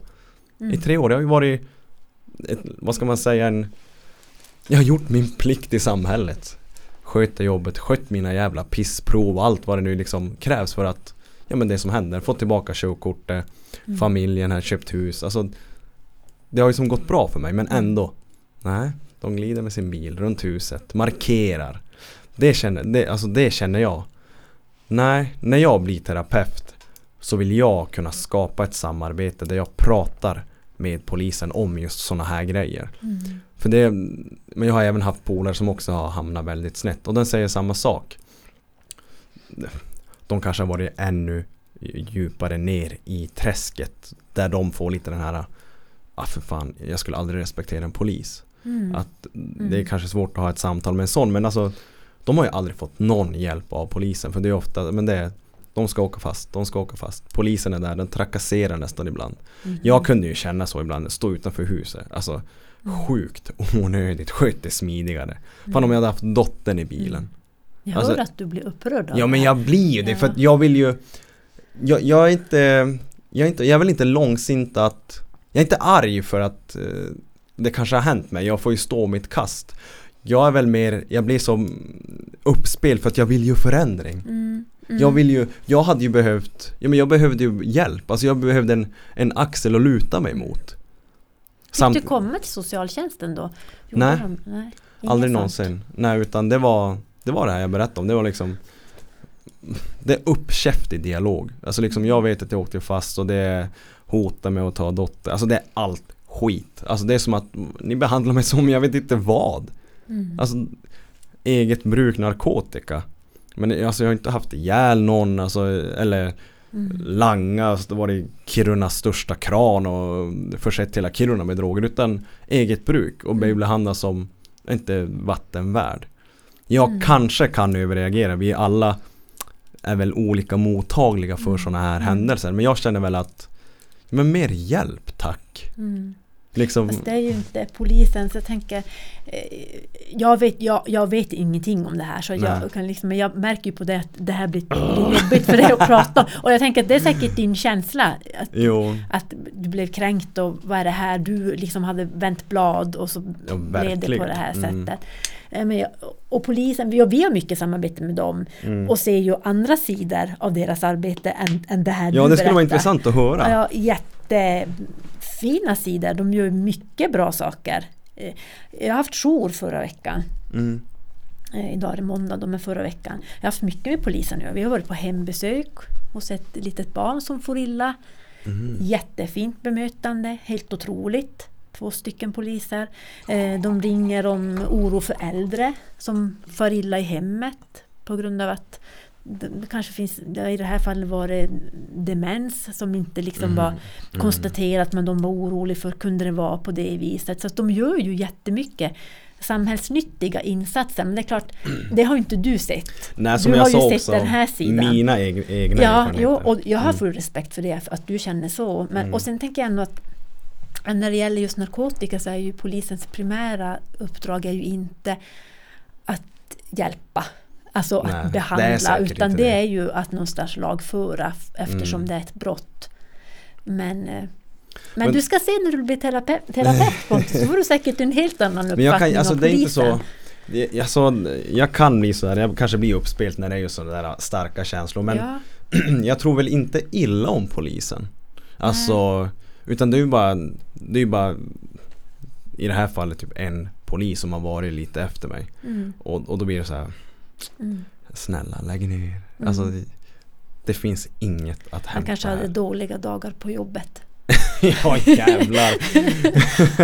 Så kan det vara. Nej men för jag känner väl att Jag tror i alla fall att, att Ett samarbete med polisen är oerhört Mm. viktigt För att man får inte tappa respekten för polisen För det är ju no, Nej. våran trygghet i Verkligen. samhället Det är ju de man ska vända sig till. Jag vet ju att eh, ja, men, eh, våran kända polis här i stan, Emil, han brukar ju ofta prata om det här med Mm. att man inte ska hålla på och skrämma upp barnen för ja men gör inte si och så och då kommer polisen. För Mm. polisen är ju det är dit man ska kunna vända sig om man behöver stöd och hjälp i en akut situation. Så är det ju Mm. dit man ringer. Och vi har i Kiruna, jag kan bara prata för Kiruna och Malmfälten överlag, jättegott samarbete med polisen mm. upplever jag. Jag har ju jobbat länge också så att jag känner ju de allra flesta Jo men poliser. precis Mm. Eh, och det är klart att vissa tycker väl kanske det är mera lätt att samarbeta med än andra men det är klart vi är ju också olika personer, olika individer. Jo, men Mm. just den delen tycker jag är intressant Därför var jag tvungen att fråga Ja, jo men det, ja, det var För en det är ju bra en sån fråga. där grej För det är ju Ja men Det är mycket jag har gått och tänkt på Mm. att eh, jag vill ju att det ska bli så bra som möjligt för Jo. de som far illa. Och, och vad vi kan göra för skillnad där. Jo. Men det är intressant Men ändå. tänk vad olika upplevelser vi kan ha Jo, när det gäller det. ja herregud. För, Mm. Men ibland också så kan man se så här klipp på typ Youtube eller Facebook där eh, poli, någon eh, kvinnlig polis typ nere i, i gettorna i Stockholm att Men fan är det det här du vill? Liksom han Mm. stod de hade kunnat ta honom på bar gärning och Jo, bara jo. Men är, det här är inte du. Och du vet han nästan börjar gråta och Mm. då blir jag sådär rörd. Fy Mm. fan vilken bra polis. Mm. Alltså liksom Tror du att du hade varit mottaglig för det om det hade varit ett sånt snack? Vi brukar tänka, eh, eller vi brukar spåna med min familj också. Mm. För jag har varit liksom öppen och ärlig mot dem. Mm. När det väl har gått snett. Eh, vi har nog inte fått ett riktigt hundraprocentigt svar där. Mm. Vi båda anser väl, jag och mina föräldrar, att det var nog bra att jag åkte fast. Mm. Ehm, Men det har ju som fortlöpt just det här glida med bilen utanför huset. Just sådana där Mm. För jag kan väl ännu känna om jag blir stannad av polisen Så kan jag ha den här Men vad har jag gjort? Mm. Även om det är en vanlig rutinkontroll Mm. Mm. Så kan jag känna att Vad vill de mig? Mm. Jaha, nu måste det jag kan ju jag känna fast jag aldrig har varit kladderi med rättvisa. Gör du Åh det? gud! Stannar de? Har jag på mig? Har jag på mig bälte? Har jag kört för fort? Alltså det är ju någonstans någon sån där naturlig reaktion. Ja det kanske är tror det. jag. Och det är klart din blir ju ännu mera Den blir så färgad. för att- stark, jo. Men där tänker jag att det handlar ju om din upplevelse. Jo. Alltså det blir ju någon sån här förprogrammering kachi, hos dig att du blir Jo skraj. Och precis. det, det handlar ju egentligen kanske inte om deras bemötande utan om din, för, din Mm. förkunskap. Ja. Prova bara nästa gång det händer bara oh, Fan svårt. Kör en sån här mindfulnessövning. Jag kör ju mycket mindfulness. Ja. Så det borde jag Nej men det är just Men det är som du säger, alltså den blir Den blir nog starkare bara för att jag har varit Och sen kanske man får de här lite förutfattade dåliga meningarna Mm. Att man, ja, ah, de kommer ta in mig på piss igen Mm. Fast jag Alltså det finns ingen anledning För jag Jag kan se det så också Det är ju ingen som Säger att en polis gör fel och, Om man säger så här då om Ingen skulle klandra en polis om de tar in mig liksom en gång i månaden Ja men du har ju åkt dit förut, nu ska vi kolla dig Hur länge som helst Mm. Liksom vart kan jag vända mig för att liksom, kan de sluta hålla på eller? Mm. För en Mm. polis går ju efter sina tecken. De kan ju hitta på, ja men du är röd i ögonen, torr i munnen, nervös, vi tar in dig. Är du med vad jag menar? Att de Mm. kan som hitta på Mm. lite grann där bara för att ha en anledning att ta in mig. Och Men det, tror du det? Har de inte annat att göra? de har väl annat att göra, tror jag. jag tänkte också på det Ja. när jag var hos polaren här för någon helg sedan och så var vi ute och gled bil lite sent på natten. Mm. Och så ser man hur de åker runt med piketbussen och stannar eper. Då kan jag tänka, har de ingenting annat att göra? Alltså epa-traktorer. Mm, du kanske hade sån där trafikvecka. Du försöker, du Jag- försöker lämna det här ämnet, märker Jo! du vi Jag kan, vi, jag tar en bild. Det blir du som tyckte det var Ja, skönt. Jag här tyckte det var varmt men nu tycker jag inte det. Jag skulle, alltså det, det känns som att det är typ 10 graders skillnad här. Du försöker frysa ut dina gäster. Nej, vi, vi kan lämna ämnet, med polisen. Det är ändå Mm. intressant. Men det är ändå skönt att höra att det faktiskt finns Mm. ett bra samarbete. Alltså som sagt, jag tror inte dåligt om polisen. Det är ju bara en viss som har liksom varit efter mig. Och sen Mm. kanske jag är lite känsligare. Men jag är ju hel och ren och på Jo, topp idag. Nej men vet du vad jag tror att det handlar om? Om Mm. jag nu får Jag vet inte om det är så men jag tänker du har ju gjort din resa Mm. och, och är stolt över den med all rätta. För det ska du vara. Du är stolt över din resa, tycker att det här, jag har liksom kommit vidare. Och så är det det blir som att du ramlar tillbaka, att de Mm. ser dig, dig som du var då, som du inte är nu. Så det blir som nästan som en dubbelkränkning. Mm. Eh, att de stoppar dig utanför ditt hus. Grannarna säger, "Men fan de tror ju att jag är en pundare. Mm. Ja, dels det, hur ska jag gå vidare med det? Där kommer skammen in. Mm. Och sen så blir det ju någonstans som en ledsenhet i att de, men fan fattar de inte att jag har ju varit ren så här länge. Jag har inte den här, de här problemen mer. Så det blir den där dubbla kränkningen. Mm. Men ju längre tiden går så kommer de ju sluta. Det kan de ju hålla på och fara efter dig när du är 40. Nu har det faktiskt gått ett år. Mm. Så eh, det är ju skönt. Ja. men, men det är fortfarande sådär om man, ja, men man blir lite nervös. Ja ah, men vi lämnar ämnet för Ja. fan Annika, vi går vidare. nu ska vi sluta. Ehm. men, men något som jag också vill veta, kanske lite mer detaljerat. Jag vet ju att du inte får säga vad som helst om riktiga personer och riktiga ärenden. Mm. Men som vi nämnde i början också, det, det är ju väldigt eh, sorgset att höra hur 13-åringar tar liksom amfetamin, tramadol. Mm. Vad tror du det är som har hänt där? Att vi är så mycket yngre. Du har ju växt upp på 80-talet lite grann, sen 90. Mm. Om det var lika mycket droger då som det är idag. För det här känner inte jag igen mig. För när jag var 13, 14, 15 då var det, ja men vissa drack. Vissa eh, hade sex och vissa spelade hockey. Mm. Men just droger Mm. var inte så mycket när jag var. Och det är ändå bara 13 år sedan. Mm. Mm. Vad tror du kan ha varit Alltså vad är det som har hänt? Just när drogerna börjar komma in och så tunga droger också. Ja, dels att det, det finns ju flera olika anledningar till det såklart. Men dels har ju samhället gått framåt och vi har ju lättare att få tag på de här sakerna. Mm. Vi är vuxna men också barnen då såklart. Eh, man kan beställa hem. Alltså det, tillgängligheten har ju ökat. Mm. Det finns, det, det finns fler som håller på med droger nu. Det, har ju alltid funnits. Det har ju funnits på 80-talet, 70-talet, alltid. Eh, så, så det är klart att men jag håller med dig, då var det, man, det var därom där. De ska man typ akta Mm. sig för. Vem ska man akta sig för nu? Eftersom det finns ju alla samhällsklasser. Kolla på oss vuxna. Mm. Det finns ju jättemånga som röker på helgerna och sen har man ett vanligt jobb på veckorna. Man kanske tänker på, ja men vänta nu, undrar om jag åker på, om jag åker på pissprov på jobbet, då måste jag liksom sluta röka där. Och då, Mm. att man, ja men när man går på fest så, så då röker man. Eller man eh, kanske tar något piller för man har ingen lust som tjej kanske att dricka för då blir man så svullen i magen när man har, men alltså det finns, Mm. jag har hört alla de mest tokiga sakerna har jag hört Mm. om. Så dels att tillgängligheten är större men också att det är fler ändå som kanske partyknarkar, får man säga så? Mm. Eh, och det är klart, de unga, ungarna gör ju som vi gör, som vi Mm. vuxna gör. Så det är en sån förklaring, tänker jag.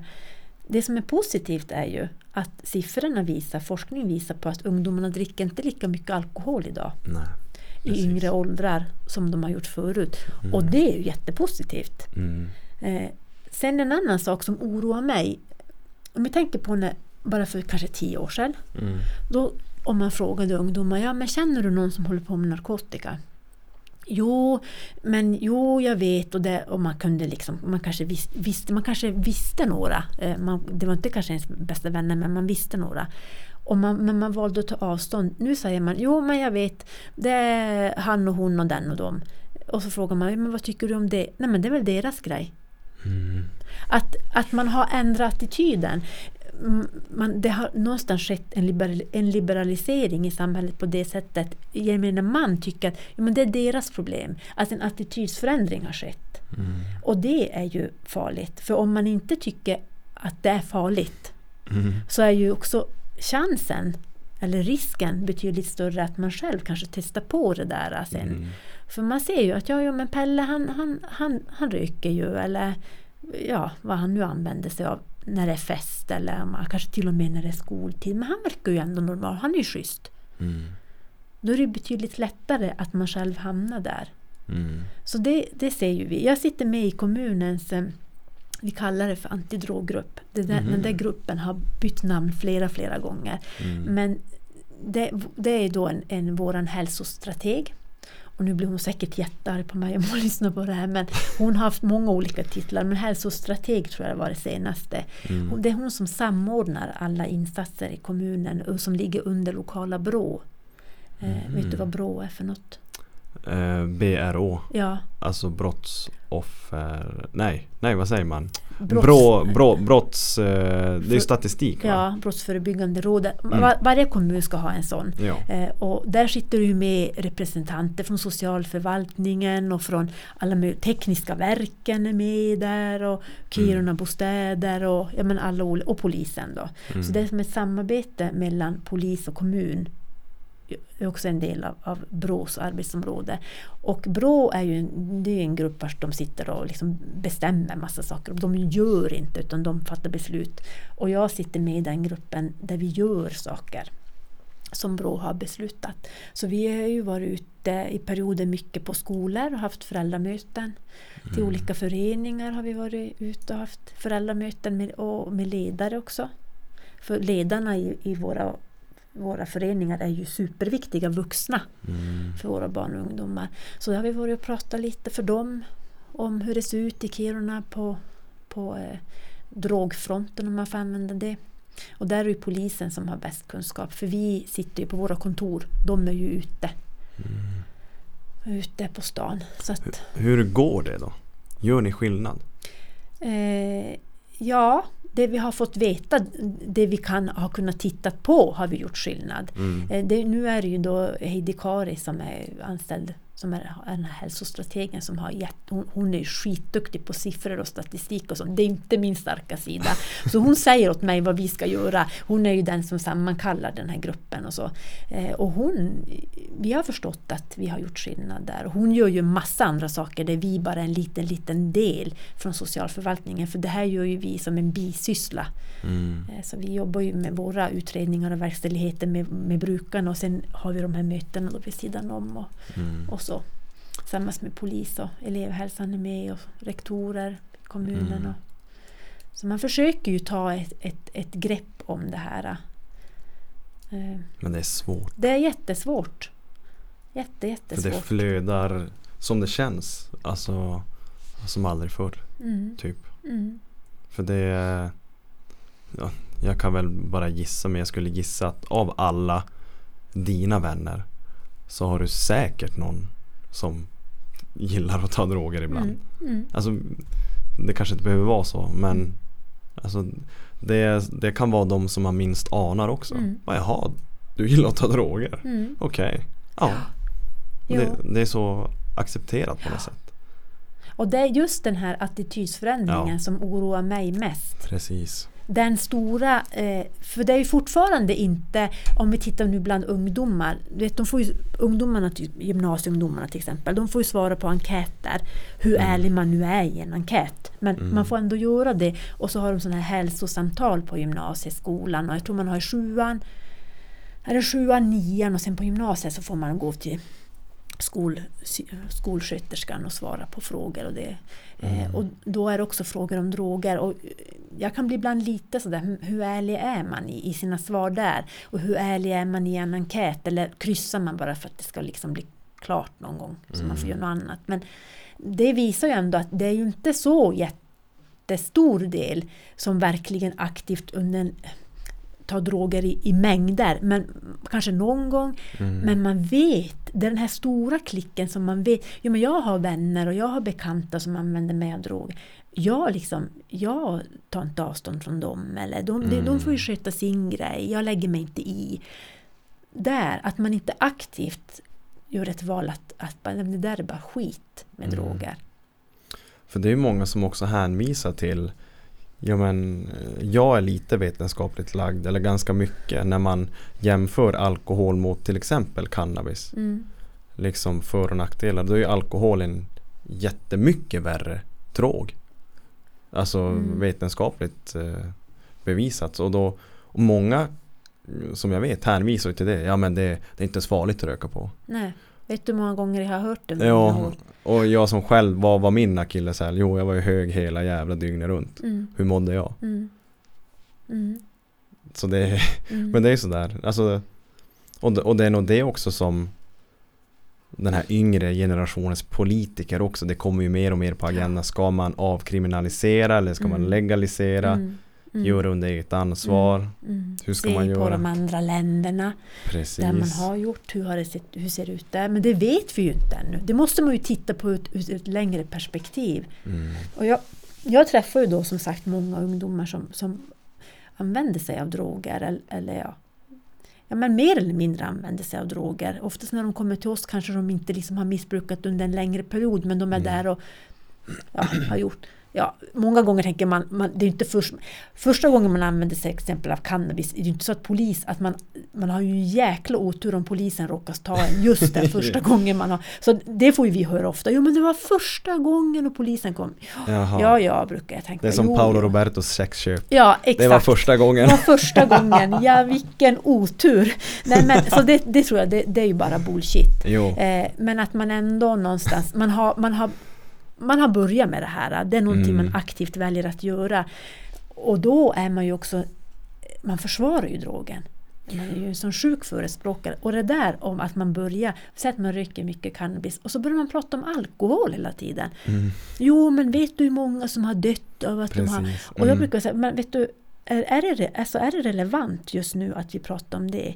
Mm. Eh, så att jag, jag brukar aldrig börja diskutera för det finns ju så mycket siffror man, och statistik man kan söka på nätet som Mm. liksom förespråkar en, att det här ska, man ska legalisera cannabis och Mm. alkohol har si och så många mera dödsfall. Och, jo, jo, man kan svänga sig med siffror också. Men Mm. jag har ju jobbat med ungdomar som också har drogat under en längre period. Och cannabis, det är bland den värsta drogen enligt min uppfattning. För att alltså det går inte att bo, nu ska jag ta några exempel. Det går inte att boka en tid med en människa som, som röker regelbundet. Nej, det går De har ju inte. ingen, de bland, det går ju inte. Nej. Alltså det, ja, man kan komma, jo men jag, jag kommer du ihåg det här nu? Jo, jag ska komma ihåg det här. Mm. Och sen så sitter man där på måndag klockan 15, men vars är de? Då ringer Pelle och säger Vars är du? Och då sitter de på öppenvården och väntar på mig. För du vet det här med alltså, att lokalisera sig om man har Mm. rökt länge. Ja, men då har man ju, ja, men jag trodde jag skulle gå hit. Men det känner jag igen. Mm. Man, du kan göra upp hur mycket planer som helst. Och det blir inte ett jävla Nej. skit gjort. Nej. Och så sitter de och berättar hur mycket saker de ska göra. Jo. Och det är det och det och det. Och så i själva verket har man suttit där i sin soffa och planerat i skallen. Men man har inte gjort ett skit. Alltså så oerhört sorgligt. Mm. Jo, vissa säger att men jag, jag röker för att bli kreativ. Mm. Mm. Mm. Oj, vad kreativ du är. I huvudet Ja. kanske, men det syns ingenting utanpå. Nej. Nej, det är... Och därför känner jag att nu är väl jag i det stadiet, skulle cannabis bli legaliserat så har jag styrkan, jag avstår. Mm. För jag vet ju vad det gjorde med mig. Mm. Men å andra sidan, alltså, jag vet ju vad det gör med folk. Mm. Alltså om du inte kan sköta det. Mm. Eller sköta det, nu låter jag som också förespråkar men alltså Det tror jag inte att du kommer bli eftersom du läser till alkohol Nej, men precis. Då hade du inte valt den. Du hade inte valt det. Nej. eh, Alltså ta, och studera till det om du hade tyckt att det här var någonting positivt. För att jag var tror ju sådär det. att men, ja, men cannabis det är ju så bra. Man kan inte Ja. överdosera och man kan inte bli fysiskt beroende. Och sen var jag där. Fick Mm. inte ett skit gjort och man går med fake piss på jobbet och man är, kollar över axeln hela tiden. Man är paranoid. Och, Mm. Så det är, det är därför jag vill men kunna göra en förändring där Mm. också. Att de som säger att ja, men, jag kommer bara röka på helgen om det legaliseras. Det kommer bli istället för alkohol. Mm. Och sen sitter man där Mm. första helgen, ja men då rökte man lördag. Mm. Sen blir det onsdag, fredag, lördag. Sen blir det måndag, Mm. tisdag. Och sen är man nere i träsket. Mm. Du jävlar sitter på, inte fan vet jag, du sitter på du ska på möte med Annika Mm. men du sitter på eh, inte vet jag. Fel ställe. Ja, hyfsat fel ställe, och fel, tid. fel dag. Och det är ju sånt, det det är så bra exempel just det, Mm. för du får ingenting uträttat Nej. när du går runt och är hög hela jävla Nej. tiden. Och det är ju livs, det är ju svindåligt. Ja. Tänk, tänk att sitta hela sitt liv bara någonstans och tänka på allt man ska göra men ingenting blir gjort. Alltså för mig Mm. blir det, det, det är så sorgligt. Och, och så är man kanske en ung människa och man, man skulle kunna göra så mycket som hade fått en att må så bra. Så nej, det är jättesorgligt. Och just det här med alkohol, när, när det blir de här diskussionerna om alkohol. Vem säger att alkohol är bra? Jag menar det är också skit. Alltså som, det går som inte att jämföra med bara för att det är någonting som är socialt accepterat i Sverige. Mm. Så kan jag ju säga att hade inte alkoholen funnits så hade ju vi haft betydligt mycket mindre jobb. Polisen hade haft betydligt mycket mindre jobb. Mm. För det är ju rena giftet. Och jag kan ju säga, jag, jag dricker jätte, jättesällan. Och Mm. kan, jag, för jag äter så mycket mediciner. Mm. Jag har varit sjuk. Och, och, då, och då blir det som att det är inte här, då blir man som typ, ja men ska du ska du inte ta ett glas vin eller? Nej men Nej, men- varför inte det? Alltså då, då kan det bli det också bland folk. Att, ja, men, inte nog mera, inte nu, men när jag var lite yngre kunde det bli lite som att, ja men vadå, men ska vi inte, ska du inte ta? Alltså att man typ trodde att man var något för att man inte ville dricka. Nu, så, Mm. nu är jag ju helt öppen med varför jag inte kan dricka. Och å ena sidan så är ju det sjukt, för man ska ju inte behöva förklara. Och Nej. det här jag kan, nu kan jag dricka något glas prosecco och tycka gud vad kul, för det är ju som roligt att säga i gemenskap, men det kan inte bli för mycket för då blir jag då blir jag riktigt sjuk. För att jag har haft cancer så jag äter så mycket mediciner ännu. Jag fick höra att du hade haft cancer inför det här avsnittet. Jag visste inte det när vi pratade i telefon här i Ja. helgen. Okej. Så det hade jag också tänkt att Mm. shit, Ja, det har varit en himla resa. vad för cancer har du haft? Äggstockscancer hade jag. Det, det, Är det farligt? det är farligt. Mm. Jo, det är riktigt farligt. Det är en av de cancerformer som har högst dödlighet då, om man så säger. Men det beror Okej. på att eh, man upptäcker det oftast så sent. Mhm. Eh, och sen så är det ganska många som är äldre som får äggstockscancer, alltså att man är typ 70 plus och då märker man ju inte det heller och så har man kanske inte så många år kvar att leva heller. Va? Mm. Så att, jag vet inte med statistiken men det är i alla fall riktigt, det är många som dör av det. det. Jag tänker bröstcancer idag så är det ju ganska många som faktiskt klarar det. Mhm. Men äggstockscancer har sämre prognos. Hur fick du reda på att du hade cancer? ja, men det var, jag hade fått min, min yngsta son, han fyllde ju 13 i år. Och han var eh, ett år ungefär. Så tänkte jag, jag skulle börja jobba och sen tänkte jag, vet du, man är hemma föräldraledig, hon har ju oftast bara på sig mjukbrallor och sådär. Mm. Och så skulle jag börja jobba, fick jag inte på mig mina jeans. Så jag tänkte, men vad är det nu? Har jag liksom, vad är det här? Har jag, ja men ja, okej, ja men jag har fått tre barn. Det är väl så här, jag ska väl ha så här lite som... Men det var som så att det var så väldigt mycket på magen. Och jag har ju alltid tränat jättemycket. Och även på den tiden. Och jag tänkte, vad är det? Nå, men jag tänkte, ja, jag har blivit tjock då. Och så gick jag på jobbet. Och, men alltså, det var mycket som kändes konstigt i kroppen. Och så var det en kväll när jag låg i sängen så du vet när man ligger ner så är det som att allt sjönk som in på kroppen. Förutom min mage. Så att den var som när man väntar barn. Och helt stenhård. Och då sa jag till min man, vet du att jag är inte frisk? Och han sa, men sluta nu. Att liksom, han försökte ju. Han är jätte, han är alltid så där peppande och försöker ge energi. Nej men inte är det någonting. Men jag såg på honom när han, för jag sa känn att han också som reagerade. Så då gick jag någon dag. Jag har läkarskräck. Jag tycker inte om att gå till sjukhuset. Jag tycker inte om att vara patient. Men jag gick ju till slut, fattade att jag måste gå till sjukan. Och då upptäckte ju, de skickade ju mig till, då till kvinnokliniken och de upptäckte en, en cysta som var jätte, jättestor på min ena äggstock. Så den opererade de ut. Det gick ganska fort, det tog bara någon vecka så fick jag åka då till Gällivare och operera ut den där. Den vägde 1,8 kilo. Så det var ju inte konstigt att jag inte hade fått igen mina jeans. Men då sa de att jo, men det här är säkert inget farligt för att den var så stor. Så att de sa att då, då är det oftast inte någonting som är liksom, jag menar, att det är något farligt utan att det kan vara, kvinnor kan ju få cystor sådär. Och jag tänkte att ja, ja, vi, det var väl bara ett gupp på vägen här då. Sen blev jag så sjuk för att jag fick infektion i det här. Jag hade ett jättestort som ärr över hela eh, magen då. Eh, och fick infektion. Så att jag var ju jag var in och ut på sjukhuset och fick penicillin och hade jättemycket smärtor. Och, och jag tänkte, vad är det här? Jag har ju liksom aldrig opererats eller aldrig något sånt. Jag tänkte, gud vad hemskt, jag mådde bara dåligt av att vara där. Och min man kom dit med vår lilla son och han hatade ju att vara där på sjukhus och jag ville att de skulle vara där men jag tänkte att han ska inte vara där för han mår ju dåligt och sen måste jag ha ett barnperspektiv. Och, så det var mycket som snurrade och samtidigt tänkte jag att men, alltså jag kanske, det kanske ändå är något i det där. Men ja, vi får på semester och jag började ju som sagt återhämta mig och så ringde läkaren. Vi var i Umeå då på semester och säger att de vill att jag ska komma till Gällivare. Jag sa ja, nej, ja, du får säga det på telefon vad det nu är. Då hade de ju upptäckt att det fanns cancer i den här äh, jättestora cystan. Så det var en tuff, då började en tuff resa. Så du, vart du frisk efter operationen? Eh, Nej, utan jag trodde att det var bara en vanlig cysta som man kan få så var, är det ingenting. Men då när de hade sett det, att det var då eh, att det fanns cancerceller i den här cystan så fick jag ju vänta i flera veckor först på vad skulle de göra med mig. Skulle de operera mera? eh, Ta bort flera andra organ? Eller ska de, ska de börja direkt och, och ge mig cellgifter? Eller vad ska de göra? Och jag hade ju helt sjukt så tänkte så mycket på mitt hår. Jag, Ja, kommer tappa alltid det. haft mycket hår. Att vänta nu, hur blir det här? Nu kommer jag tappa håret. Alla.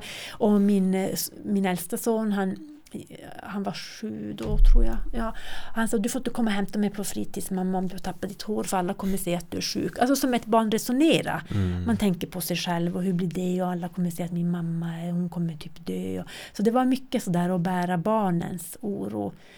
Men de opererade mig en gång till och tog bort eh, flera andra organ så, som skulle vara sådana här möjliga smittovägar. Mhm. Så efter det har jag ju alltid, måste jag käka medicin Mm. varje dag.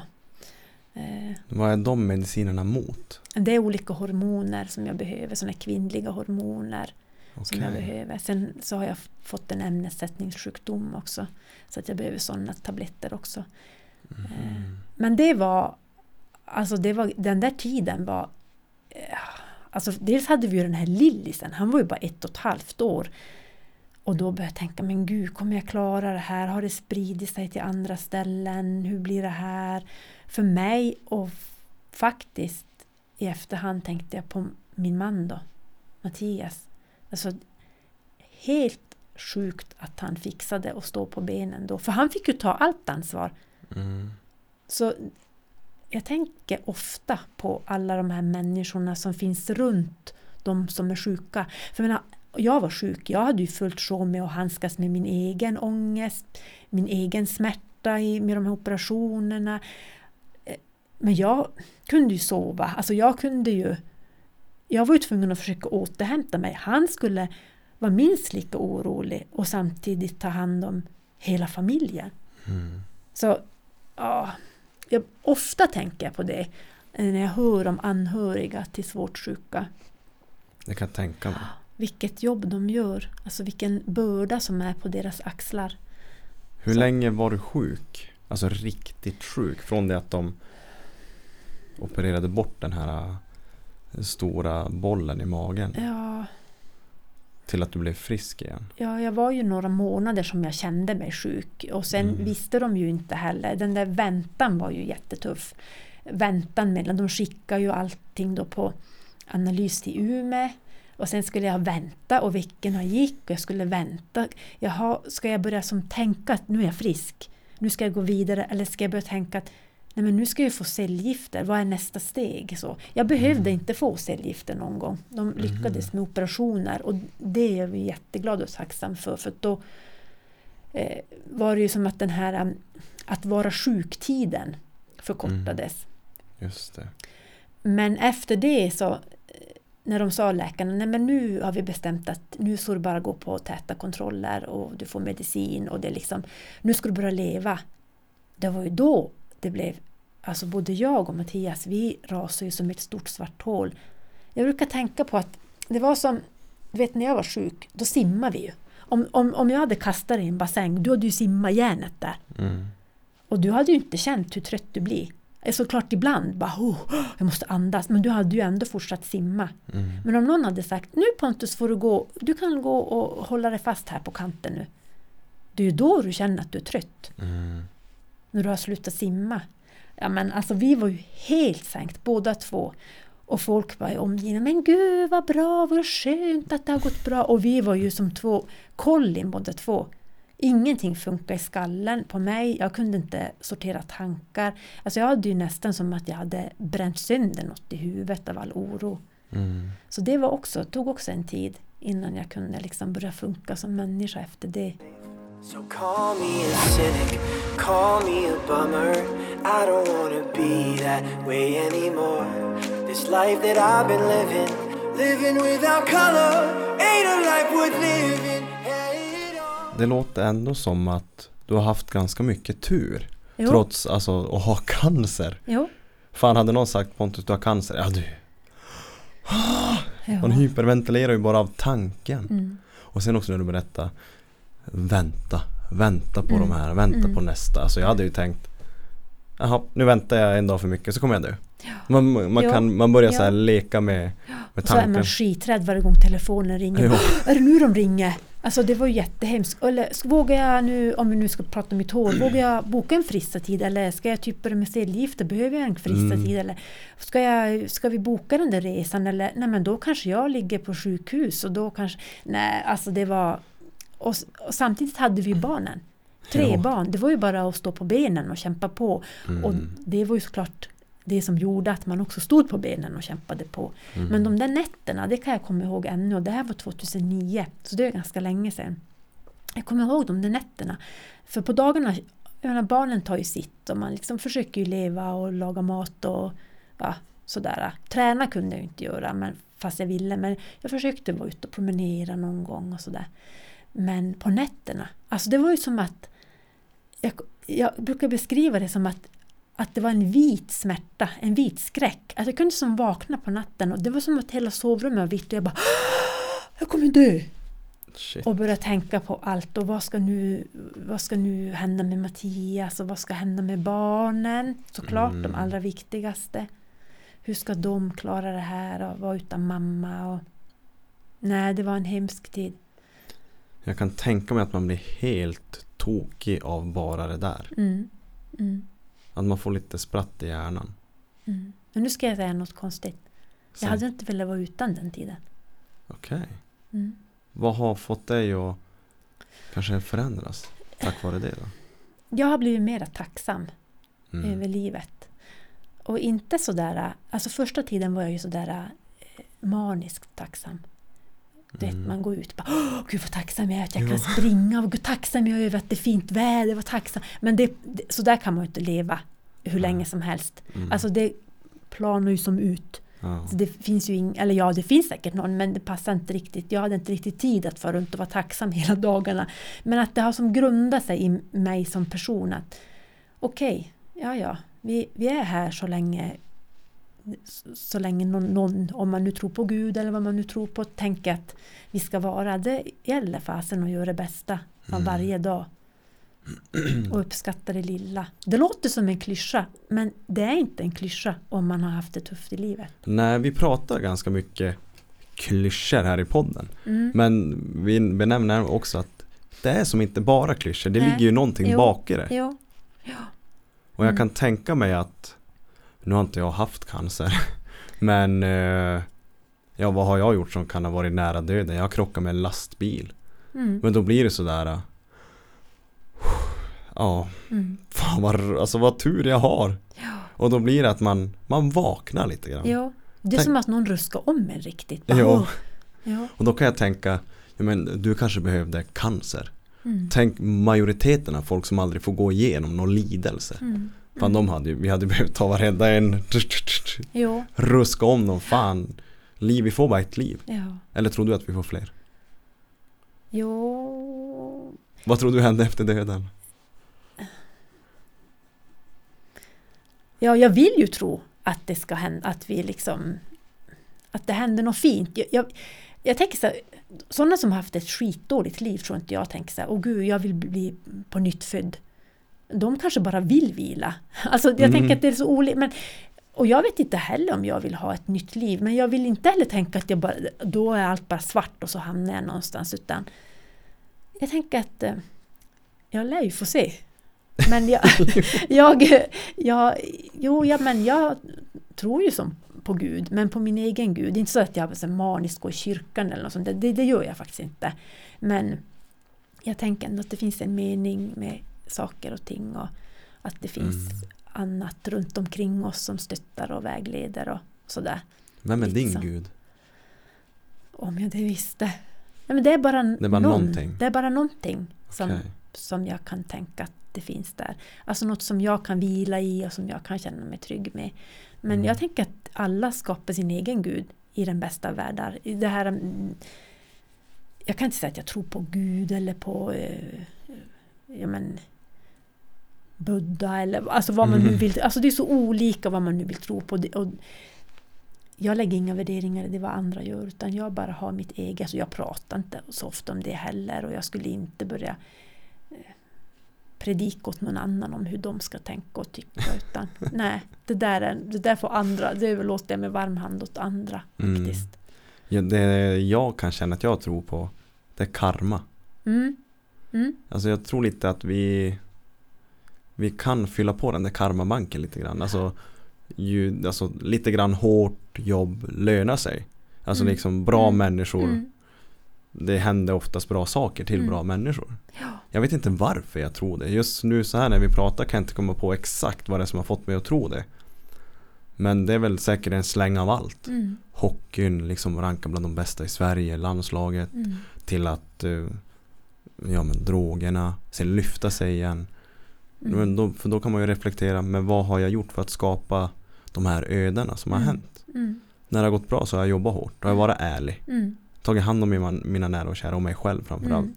Vad har jag gjort när det har gått dåligt? Jag har skitit allt och alla och bara blunda nästan grann och bara Mm. knalla in i en vägg tusen Mm. gånger om. För Mm. att sen resa sig, vad har jag gjort då? Jag har tagit tag i mig själv igen. Jo, Är ärlig, öppen, jobbar hårt, jo. får hjälp. Mm. Ja men så, så tänker jag också. Att det som du ger till dig själv och till andra, det, Mm. det kommer att ge vinning sen Mm. för dig själv och andra. Mm. Att man ska bemöta människor. Mm, Du vet ju inte, de människorna du träffar på i ditt liv, du har ingen aning om vad de går och bär på. Så det gäller ju att alltid behandla alla med respekt Mm. och lyssna på folk. Det är vi inget bra på överlag. Vi lyssnar ju vi lyssnar, vi lyssnar inte på oss själva men vi lyssnar inte på andra heller. Nej. Så det tycker jag är jätte, jätteviktigt och det får man öva sig på verkligen i mitt jobb. Det är, lyssna på andra. oh ja, aktivt lyssnande. Mm. liksom nu när jag också pluggar. Det är liksom på varannan sida. Ja. Vi använder vårt aktiva lyssnande. Mm. Och vad betyder då aktivt lyssnande? Det kan, ju, kan du förklara ett aktivt lyssnande? Du som ändå har jobbat i över 20 år. Vad jag tänker att aktivt Ja, lyssnande. Mm, det är att du lyssnar med engagemang. Mm. Du lyssnar med och det finns ju massor, det finns ju någonting, en etikett på aktivt lyssnande också Precis. som man kan läsa sig till. Men hur jag har valt att omvandla det. Att du lyssnar med engagemang och du lyssnar på ett lugnt sätt. Och det gör, man, det gör ju om man är lugn i sitt förhållningssätt. För man kan ju lyssna med sitt kroppsspråk också. Mm. Eh, Att du kan liksom visa att jag är intresserad av det du har att säga. Jag är här nu och jag lyssnar på dig. Jag håller inte på med tusen andra grejer. Utan jag är här och lyssnar på dig. Det är också en form av aktivt lyssnande. Ställer lite följdfrågor. Mm. Försöker, tänker jag som träffar många barn och ungdomar som kanske inte vill eller vågar berätta saker för mig. Så gäller det att försöka på något sätt få dem att känna sig trygg. Och det gör ju jag genom att vara mig själv. Alltså barn och ungdomar, de genomskådar ju dig på direkt. Mm. Alltså du har ju inte en chans. Om du låtsas vara någon annan eh, eller om du känner dig otrygg i vem, vem du är och din roll, yrkesrollen, vad det nu kan vara, de märker det direkt. Och det Mm. gör ju att de litar inte riktigt på dig. De pejlar ju in dig, de känner ju in dig. Mm. Jag ser att du känner igen det här. Alltså de skannar ju av dig Jo direkt. men alltså Vad min vill hjärna går på högvarv Mm. alltså. Så är det ju med barn och ungdomar. Så du måste ju verkligen visa att ja, men jag är här nu. Jag, jag, och, och jag pallar att höra det du vill säga till mig. Mm. För jag tänker, jag som träffar barn som får illa, de kollar ju också, fixar du det här? Vad, kan jag verkligen berätta om det här som har varit tufft för mig till dig? Kommer du att kunna härbärgera det? Så det är också viktigt att man vågar visa att ja, men jag, jag, jag kan ta emot det här. Och det, hur man gör det, det är någonting som kommer med erfarenhet också. Det finns ju Mm. såklart tusen tekniker hur man ska ställa frågor på ett motiverande sätt, öppna frågor som de inte kan svara ja eller nej på och sådana där saker också. Mm. Men erfarenheten är, och det är nog det viktigaste tror jag. Men det är lite den känslan jag också har fått. Och just det här aktiva lyssnandet är väl också lite grann, i alla fall i det jag läser, Mm. relatera, förstå, förändra. Mm. Lite att jag ser dig först och främst. Jag Mm. försöker sätta mig in i Mm. det du går igenom. Mm. Sen förstår jag lite grann vad du går igenom. Sen så tar vi oss an förändringen. Mm. Så att du också kan känna att ja, men du, li- du kan lita Mm. på mig. Mm. Det är så viktigt. Men det, det kan man ju tänka också i vanliga livet. Fast i fikakuren på LKAB. Hur, hur pratar du med vissa och hur pratar du med vissa andra? Mm. Vissa är du mer öppna mot och kan Mm. lita på. Och vissa är det sådär ah, lite mer stelt. Eller? Mm. Mm. Så det är också Och jävligt Det är intressant. lite, jag tänker, vi träffar ju också många människor som är i kris. Träffar ju vi. Det kanske har hänt något jättehemskt i familjen. Mm. Och de mår dåligt. Och de är i kris. Och hur funkar man då? Hur funkar den mänskliga hjärnan i kris? Det, det går ju inte att föra ett redigt samtal med en sån person. Så där måste vi också någonstans försöka checka av. I vilket läge i krisen, vilken fas är den här personen? Vilken information kan de ta in? Är det värt att prata om de här sakerna nu? Eller är det Mm. någonting vi ska vänta på sen? Ska vi nu prata om Tar du hand om dig? Äter du? Dricker du? Hur ser det ut med sömnen? Du vet de här basala behoven. Så att man Mm. börjar där med att de basala behoven är tillgodosedda. Då kan man gå vidare. För är man i kris så det är ingen, man kan ju inte börja med några terapeutiska samtal med någon människa som är i, i de där inledande stegen i en, i en kris. Mm. Så att, Det kan jag tänka mig själv också när jag visualiserar att jag nu är i arbetslivet. Mm, Men vad gör jag när det är en krissituation? För mm. det är ju verkligen utmanande. Jo, det är jätteutmanande för, för dig då som professionell. Mm. Eh, det kan jag hålla med om faktiskt. Men där tänker jag, håll om, håll i och håll ut. Det är sådana där Mm. regler som vi brukar prata om. Att om någon är riktigt i kris så ser man ju till. Och det är kanske inte så att vi bokstavligt håller om. Jo, Nej. det har också hänt. Ja. Eh, men att man kanske ser till att någon annan håller om. Mm. Eh, och håll i att, men vänta nu, om du behöver hjälp, var går du då? Vad, vad är, vilka steg måste du nu ta? Eh, att man kanske gör en checklista. Det här och de här sakerna måste hända. För många hamnar ju då att man kan inte tänka klart. Så man kanske behöver att man har med sig någon som kan hjälpa en och stötta en i att komma ihåg vissa saker. Kan det vara. Och håll ut. Jo men det kommer, det kommer bli bättre. Att man försöker förmedla en känsla av hopp. Det kommer bli bättre. Det kommer att ge sig. Men där och då så jag tänker jag jobbar med förändringsprocesser i, under utredningar. Att jag försöker få mm, personer att själva förändra saker. Det är ju det allra bästa. Man Mm. behöver inget stöd från samhället för man fixar det själv. Inte själv som individ utan kanske själv i sin familj då eller att man har fått stöd från sitt nätverk eller så. Mm. Och det, sådana samtal och börja mm, sätta igång någon förändringsprocess, det gör man ju inte när man är där i den här akuta krisen. Nej. Då är det de här äh, basala grejerna. Lite som ambulansvårdspersonal jobbar. Mm. Det blir ju lite på det sättet. Då. Ja, men precis. Det är så sjukt intressant. Mm. Någon lyssnare kanske tänker, vad fan snackar de om? Ja, vad är det där för något?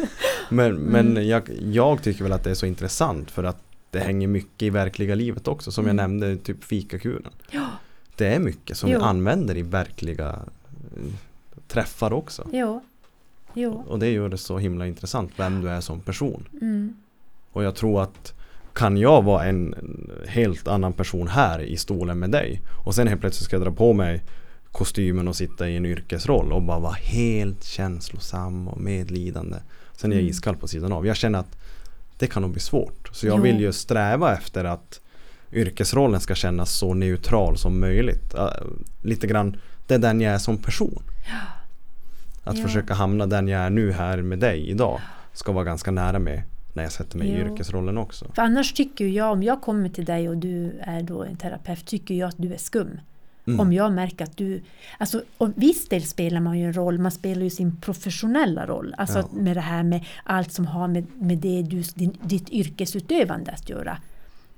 Där har du ju ett batteri med, med liksom saker som du måste kanske gå igenom och ställa Precis. eller frågor eller vad det nu kan vara. Va? Men till syvende och sist så är ju du dig själv. Och jag Mm. märker ju om inte du är genuin. Jag tycker ju Precis. inte att det är behagligt att gå till dig då. Om Nej. du liksom spelar någon som du inte är.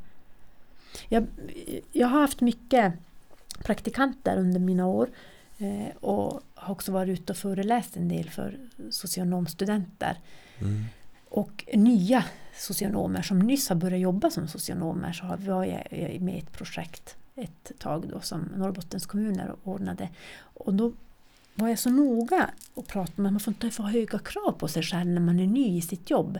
För ett socialt arbete som jag ser det, och det kan man jämställa med att man jobbar som psykolog eller vad som helst, det är ett hantverk.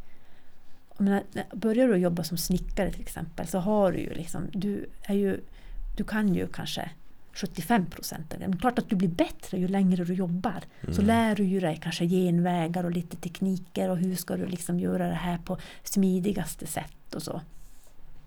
Och det är ju samma när man har ett sånt här jobb som jag. Att det är ett hantverk. Och vad har man för redskap när man jobbar som, som socionom? Eller? Mm. Man har ju bara sig själv. Precis. Då måste man vara grymt man måste ju vara grymt noga med att ta hand om sina verktyg, det vill säga sig själv. Mm. För annars, så, annars blir det ju bara skitjobb helt enkelt. Eller att man går in i väggen. Det är ju jättemånga som har valt det här yrket som faktiskt slutar för att man känner att det är för tufft. Eller att man, Mm. man blir sjuk på grund av arbetet. Så man måste verkligen vara rädd om sig själv och hitta sina sätt att återhämta sig. Hur kan du vara rädd om dig själv? Alltså, om, om vi pratar i ditt fall Annika, Ja. när du känner att det går för långt. Eh, Jag är jättenoga med att skilja på privatliv och mitt yrkesliv. Mm. Jag var inte alls lika noga med det när jag började.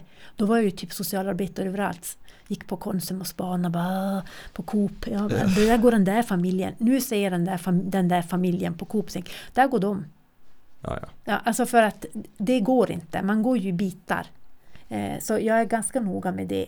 Jag, jag ser ju, jag kan ju också säga till familjen, jag såg er på Coop. Men det är inte så att det går spinn i mig sen hela Nej. kvällen. Eller, så att det har varit jättenoga viktigt för mig att särskilja. Att när jag går hem så går jag hem. Givetvis, man jobbar med barn som far illa. Det är ju det är inte alltid lika enkelt Mm. i praktiken. kan jag ju tänka på barn som... För det drabbar ju en, det slår ju en i hjärtat. Men det är ett val jag försöker att hålla i. Sen är jag jättenoga med att återhämta mig. Mm. Antingen så ligger jag i soffan och kollar på serien med min man. Eller så tränar jag. Och jag tränar ju mycket. Mm. Jag brukar springa ifrån mina brukare. Då gör jag så att jag sätter på mig skorna och så spring, börjar jag springa hemifrån. Och så tänker jag på en, ja det där var det, okej nu så var det med det. Och sen hopp släpper jag den. Och sen springer jag en kilometer till, då har jag släppt en till. Sen när jag sprungit en mil, då har jag bara, Huff, då kommer jag hem, hallå vad ska vi äta? Mm. Mm, Fan vad smart. mm. Och så äh, tränar jag jättemycket på mitt, mitt gym, säger jag, mitt träning, min träningsanläggning vars jag har ett guldskåp för att jag tränar så mycket där. Eh, och när jag kommer dit också så jag känner alla där nästan Mm. och känner mig helt hemma och så river man av ett stenhårt träningspass tillsammans med människor som jag tycker om. Det är Mm. också sådär, och då är jag ju bara, bara, bara, bara jag. Mm. Det är jätteviktigt för mig. Mm. Det är jättebra att du att du säger det. Ja, dels för att jag får ju lära mig mycket av dig här och nu. Mm, mm, Men också, det spelar nog ingen roll vad du jobbar med. Man kan ju fortfarande gå in i väggen eh, Fast du är, ja, ta något löjligt som snickare. Du tar, Ja. på, du tar med dig arbetet hem och ja. du, du får det bara inte ur huvudet. Mm. Och det är sådana här tips jätte, Mm. jättebra. Mm, Att bara ta efter, ta Mm. efter Annika för fan. mm. Och det är ju lättare sagt än gjort. I, alltså ibland är det ju tufft. Och liksom man, man, man, man grubblar och man liksom Ja, ja men grubbla, bestäm dig då. Ja, nu ikväll grubblar jag på det här. Sen, sen har jag grubblat klart. Alltså att man är ändå som snäll med sig själv också så att det inte blir något sånt där maniskt, jag får inte tänka på det här, för då tänker du ju på det. Mm. Men att du ändå i vardagen, alla andra dagar, tar ett aktivt beslut. Ja, men jag, ska jag hålla i längden så måste jag vara rädd om mig själv. Jag kan liksom inte Mm. vara Florens varenda vaken stund. För då kan man inte ha ett sånt här jobb. Det krävs mycket, alltså ändå självdisciplin. Jo, jo det gör det. Hålla sig själv i schack och Ja. framförallt tankarna i schack. Mm. Och det gör man ju för, för det mesta med träning. Mm. Jo, träningen är det. Alltså, det har är ju varit, ju- ja, alltså det, jag vet inte hur det hade varit för mig annars. Mm. För mig är det ju, alltså man blir ju, man kan ju gå in och tänka uff, det var, oj, fasen vad tungt, inte orkar jag träna idag. Ibland kan jag tänka, det är väldigt sällan jag känner så, men ibland kan jag tänka, men man ångrar ju aldrig träningspass och sen bara, åh, tyckte jag att det där var ett problem? Mm. Men man blir ju som helt sådär bara lugn. Mm. Och yin-yoga har jag hållit på med nu senaste åren. Vilken grej! Ja, det är grymt. Mm. Man håller de där positionerna, man håller dem inte i 30 sekunder eller en minut, du håller dem länge och man Mm. känner man andas och det släpper lite mer och så. Det är svinskönt. Mm. Du gillar också det? Jag gillar det men jag gör det nu lite för sällan. Mhm. Mm. Jag har ibland, jag hade, jag fick eh, dille på yoga nu lite mer än ett halvår sedan, kan vara längre sedan just i samband när jag startade podden. Jag började ju sex på LKAB. Mm. Då gick jag alltid upp 04.45 och så brände jag av ett kort yogapass. Oj. Och jag kände så här, men, för jag är också sådär när jag väl får för mig något, fan jag måste ju satsa, fan yoga under en timme, det, det är ju inget bra. Så då började, då tillät jag mig själv, ja men Mm. 5 till 15 minuter om dagen är ju bättre än liksom en timme stressigt en gång i veckan. Så jag Mm. börjar så här bara smått, smått, smått. Så nu är det som att jag har min egen liten yoga, typ kan sitta framför tvn bara och hålla, Mm. andas, tänker mycket på andningen.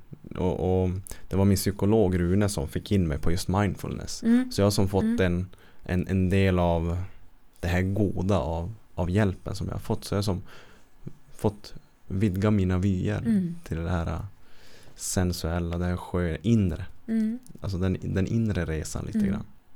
Och det finns ju inget fel men om du gör din grej, det som passar din vardag Mm. och, och din personlighet så det är ingen som kan komma och säga nej men du måste ligga i sadeln i sex minuter, fem minuter varje dag. Men Mm. alltså nej, det måste du ju inte. vad, var det du- som, vad var det som fick dig att börja med yogan? Det var Kristin. Det var Kristin? Ja, hon sa att du som tränar så mycket, du skulle behöva det här. Och jag bara, nej, inte yoga. Jag fick någon sån där bild av att man skulle du vet, stå i alla möjliga såna där konstiga ställningar och det skulle liksom, man skulle slå knut på sig själv. Mm. Eh, men så var det ju absolut inte. Så, och när jag, första gången jag var på yin-yoga så fick jag en sån här sjuk effekt. Alltså jag började frysa och svettas och frysa och svettas sen efteråt. Så någonting hände ju i Mhm. min kropp. Och jag har haft en, jag har sprungit, jag springer mycket. Och då hade jag jättemycket problem med höften. Jag hade som sådär små ont hela tiden i kroppen. Och, Mm. Men när jag började med yin-yoga så, bara, ja, så ja, min kropp behövde ju det. Mm. Och sen tycker jag att den, alltså den där stunden bara och, och, och, och tanka energi till sig själv mm. är helt magisk. Men nu i dessa eh, covid-tider så då gör jag det hemma. Jag har Mm. med eh, en eh, här i Kiruna då som kör yin-yoga så man kan koppla upp sig och vara med på hennes klasser hemifrån. Mm. Det är ju inte lika, ibland är det någon som ropar mamma eller hunden skäller men alltså det funkar ändå. I det stora hela. Mm, mm. Vem är det som kör det? Är det hon? Li- Ulla Lind. Ja, Ulla, okej. Ja. Jag vet det finns någon som heter Lisa också som kör. Ja, jag, vet, Ja, jag vet bara Ulla och så Kristin då. Vart Ja. hon nu har tagit vägen. Jag är som lite bitter över att hon inte... hon är ju på LKAB igen. Jo men ja. ja, kom tillbaka. ja, kom vi Mm. behöver dig.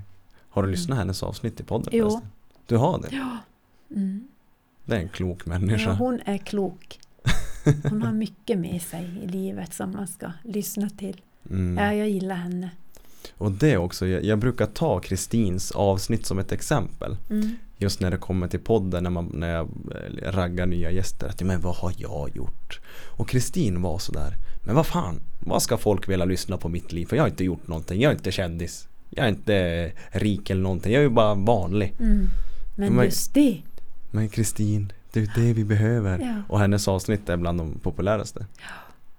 Nej, hon är ju en fantastisk människa. Jag har känt henne länge. Våra söner är ju lika gamla så att jag har känt henne Mm. länge. Nej, hon är en sån där... Hon lyser upp ett helt rum när hon kommer in. Och man blir sådär... Mm. Fast hon är så sjukt energisk så blir man ändå lugn. Jo men på, ja. Ja, förutom när man går på hennes crossfit. Då blir man inte lugn.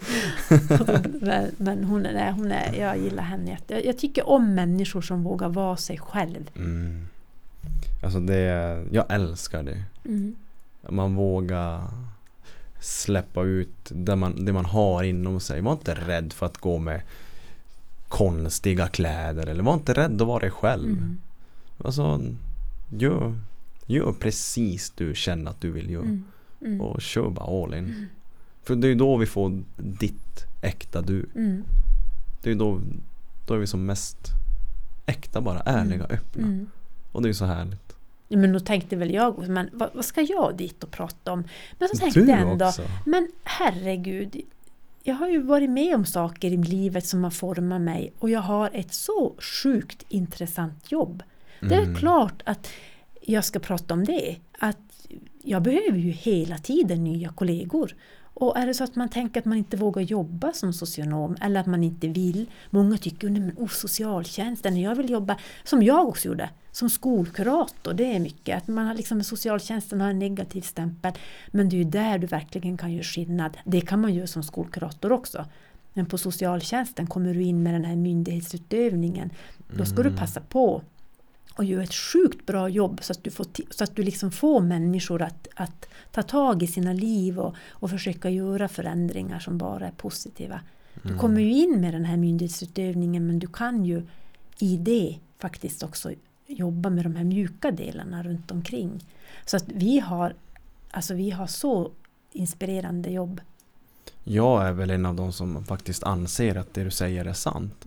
Men är det så att eh, ni har lite problem att få folk? Vi har jättesvårt att få, vi, eller, det finns inte så många socionomer i Kiruna och många Nej. vill ju kanske söka sig till andra ställen och så. Så vi har ju haft ute tjänster men vi har inte fått folk på dem. Och jag blir så bekymrad för vi jobbar ju ändå med barn som, Mm. som far illa. Vi, det måste ju finnas människor som, som jobbar med de här sakerna. Mm. För hur blir det annars för våra barn? Så nej, jag tycker att fler men- borde testa på. För man, det är ju inte som att man blir helt ensam alena där och ska tackla värsta problemen. Man har ju uppbackning av sina kollegor och cheferna och en stark lagstiftning finns ju bakom också som Ja, stöd. ja men precis, det Mm. blir lite den här teamkänslan. Jo, Jo. Och, och man kan alltid vända sig till, ja, men, till alla kollegor. Mm. Att, ja, men, tips, tricks, ja, men, eh, du? Alltså, men det är bara den här sköna känslan kan jag tänka mig. Jo, jo, Man blir väldigt sammansvetsade. jo, det blir man. Det blir man. Och sen kan man ju inte gå hem. Alltså jag kan ju inte gå hem till Mattias och säga bara jag kan gå hem och säga Oh shit vilken jobbig dag jag har. Och det är lika bra jag säger det för han ser ju det på mig. Mm. Om jag kommer hem och är liksom lite omtumlad av något jag har varit med om. Så det kan jag ju säga, men jag kan ju inte prata med honom om vad jag har upplevt under dagen. Mm. Så därför är det ju så viktigt att man faktiskt kan prata med sina kollegor om att nu har det varit tufft. Man kan skratta, vi kan skratta åt de mest tokiga grejerna ibland. Men det är ju någonstans bara för att Alltså man har varit med om så jobbiga saker och fått höra sådana livsöden och gripande grejer. Så man måste bara få skratta åt något helt vansinnigt för som, som släppa det någonstans. Mm. Men ibland kanske man bara vill dela med sig av sånt som har gått bra också. Mm. För det ser vi ju också. Vi ser ju inte bara elände som många kan tro. Oh, det är så tungt för de ser bara elände. Nej, så är det inte. Ja, men tänk hur upplyftande det skulle vara när ni faktiskt har gjort förändring. Mm. Se på den där äh, killen som hade det tufft som faktiskt nu Fan han är ju svingrym. Mm. Eller tjejen där som hade problem i skolan som hon är. Vilken klippa Mm. liksom. Mm. Bara det måste ju vara en jätteskön bekräftelse. Jo, Att ni faktiskt gör skillnad. jo. Eller att vi har hjälpt andra att göra skillnad i sitt liv. Mm. Så att vi har liksom kanske med våra frågor eller ibland med att vi har varit en pain in the ass på dem och liksom ställt krav och så, så har de ändå fått kraften att, att förändra sin situation. mm. Mm. Har ni bra lön? Är det skillnad på dig som är utbildad gentemot någon på öppenvården som inte kanske har utbildning? Jag vet faktiskt inte hur öppenvården ligger i, i löner. Jag har ingen koll på det. Men bra lön. Om jag säger så här då. Mm. Jag, alltså, jag jobbar på LK, vi är lite skadade tycker jag. För vi pratar ju bara så här, jaha vad fick ni? Och så kommer det skrik där, ja jag fick 28, ah 29 bara, ah 22, Mm. var det sjuk? Så jag har den synen när jag frågar någon, Mm. typ så här. Mm. Samma när jag pratar med, ja men Joel Lassinantti som har spelat i elitserien och har ju bra lön. Jag kan fråga bara, men fan vad får du ut? Han bara, ja, vi brukar som inte prata lön. Du vet vi är så skadade Ja. på LKAB.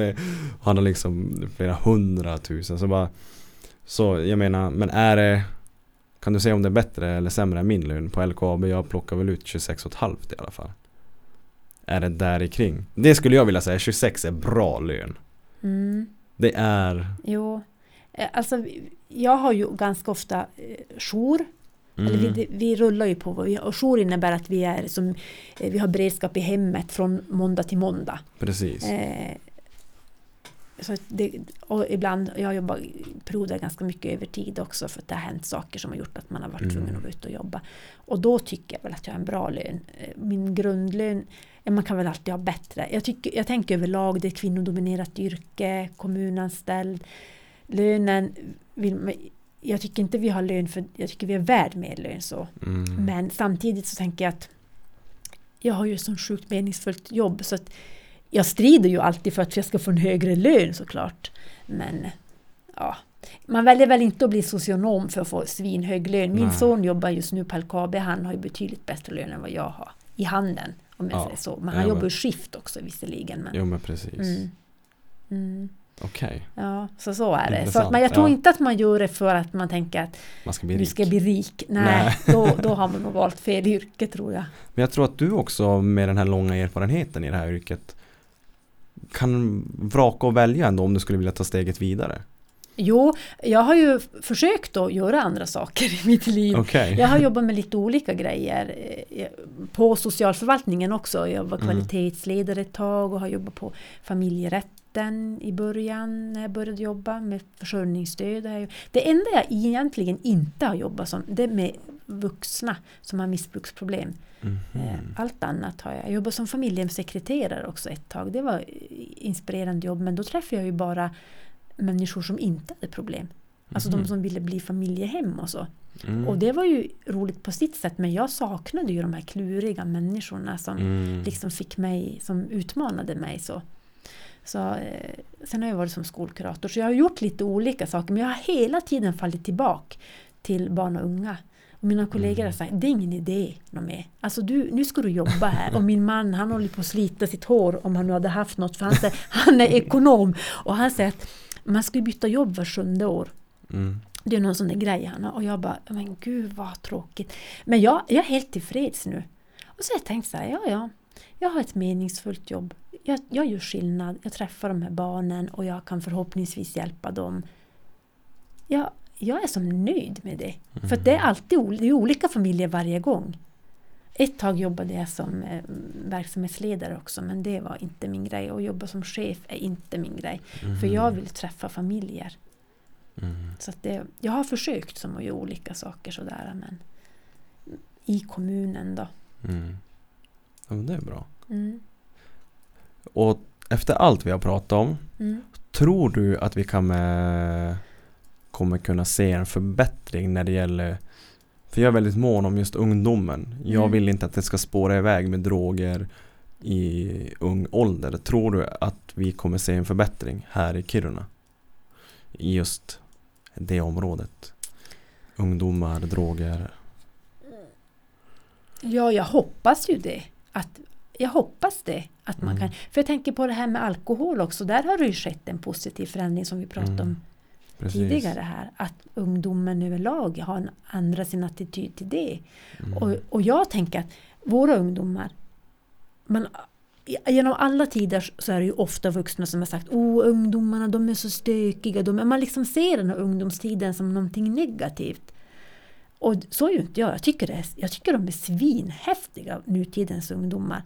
De vågar ju göra saker som inte jag gjorde. De står upp för sina, sina åsikter och värderingar. Det är helt annat än när du var ung och du är inte ens gammal. Nej, Alltså jag tänker att- Det har gått så fort. Ja, de har, det har gått så fort och vi, vi, man fokuserar många gånger på det här, ja men de har så många livsval och de blir så stressade och de, det är så stor andel som mår psykiskt dåligt. Jo, det finns alltid en annan sida av myntet. Att de är, att de liksom tror på, det är inte fult att tro på sig själv och stå upp för sig själv. Och, och de är ju allmänbildade och de är inte fega, de vågar ut i världen. Och, alltså, det är ju jättemycket positivt runt Mm. våra ungdomar. Mm.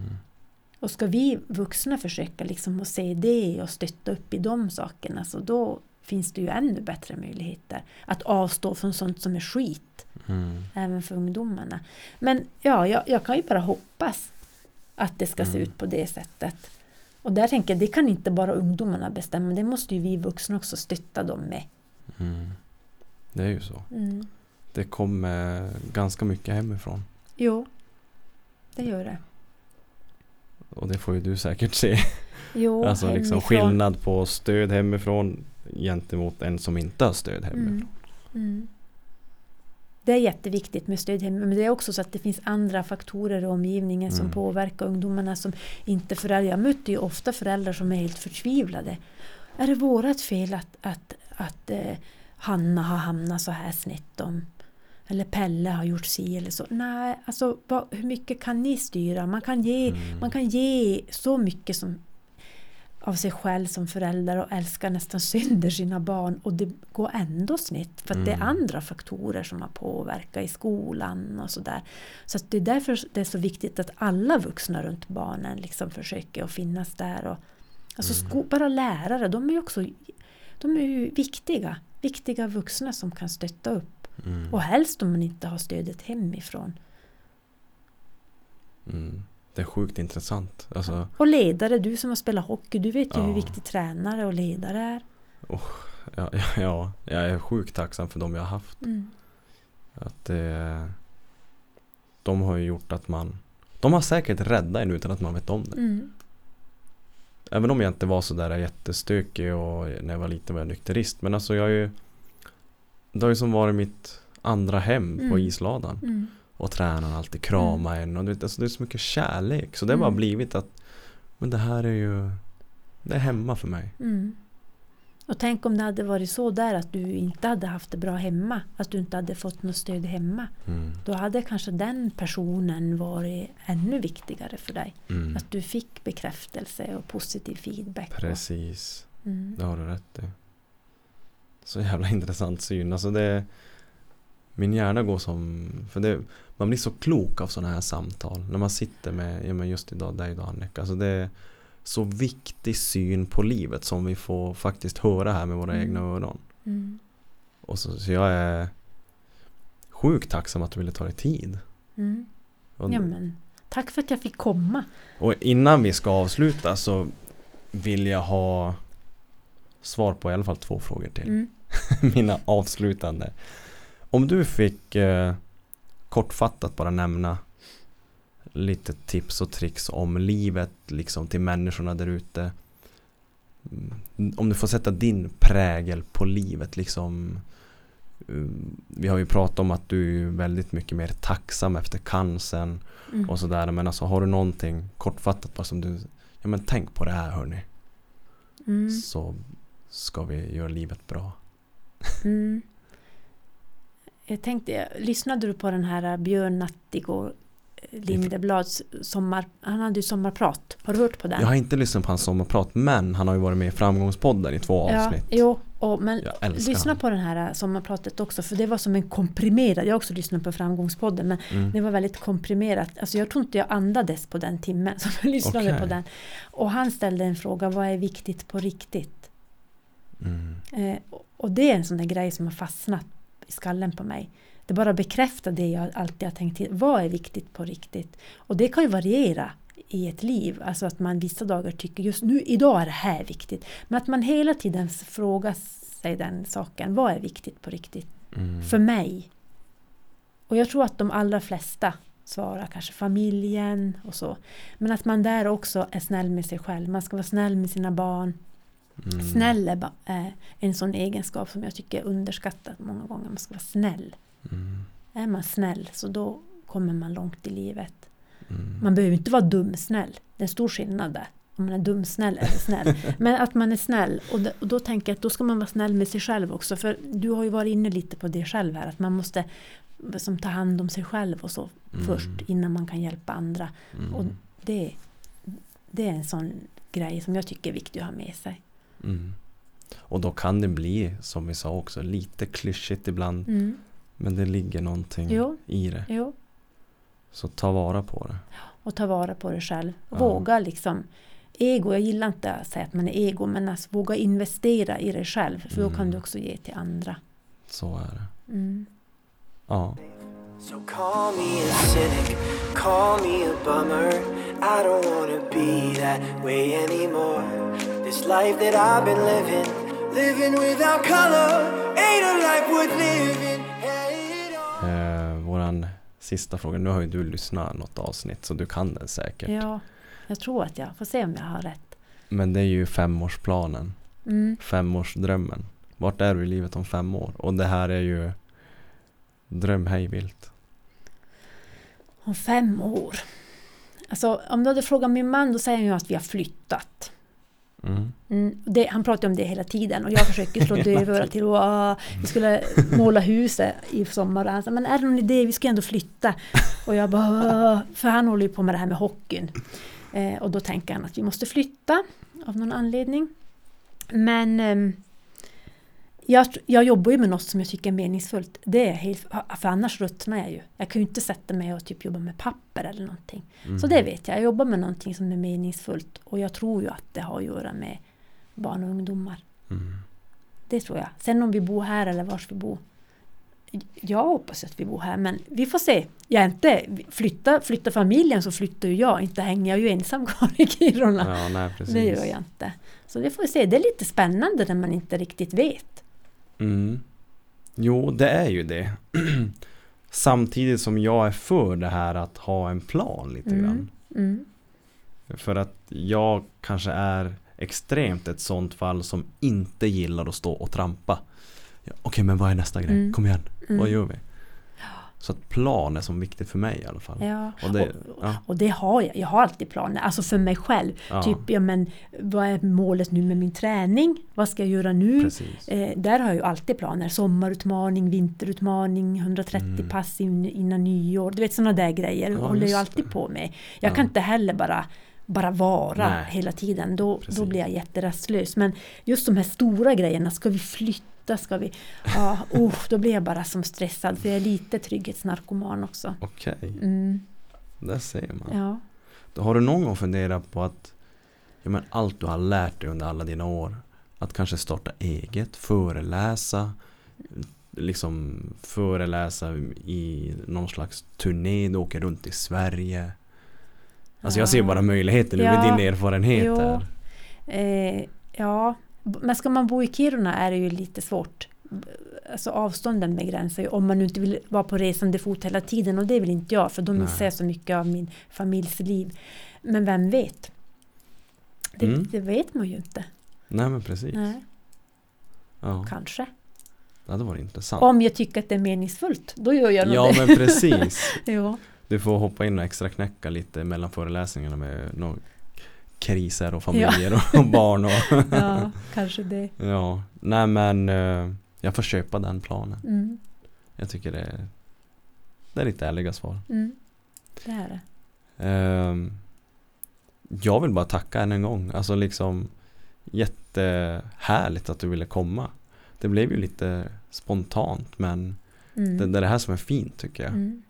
Och roligt att få lära känna, känna dig på, på det här sättet lite grann på djupet och höra vad du, Mm. din resa, ditt yrke och framförallt synen på livet. Hur, hur, hur, hur viktigt det är att Mm. vi är snälla, vi tar hand om varandra Mm. och vi uppskattar det vi har. Mm. Tack så mycket Pontus, det var jätteroligt att få komma hit. Ja, men det Mm. är, jag är supertacksam. Jag, jag är helt varm inombords. Mm. Så vi kan väl säga med de orden ett litet hej då. Hej då!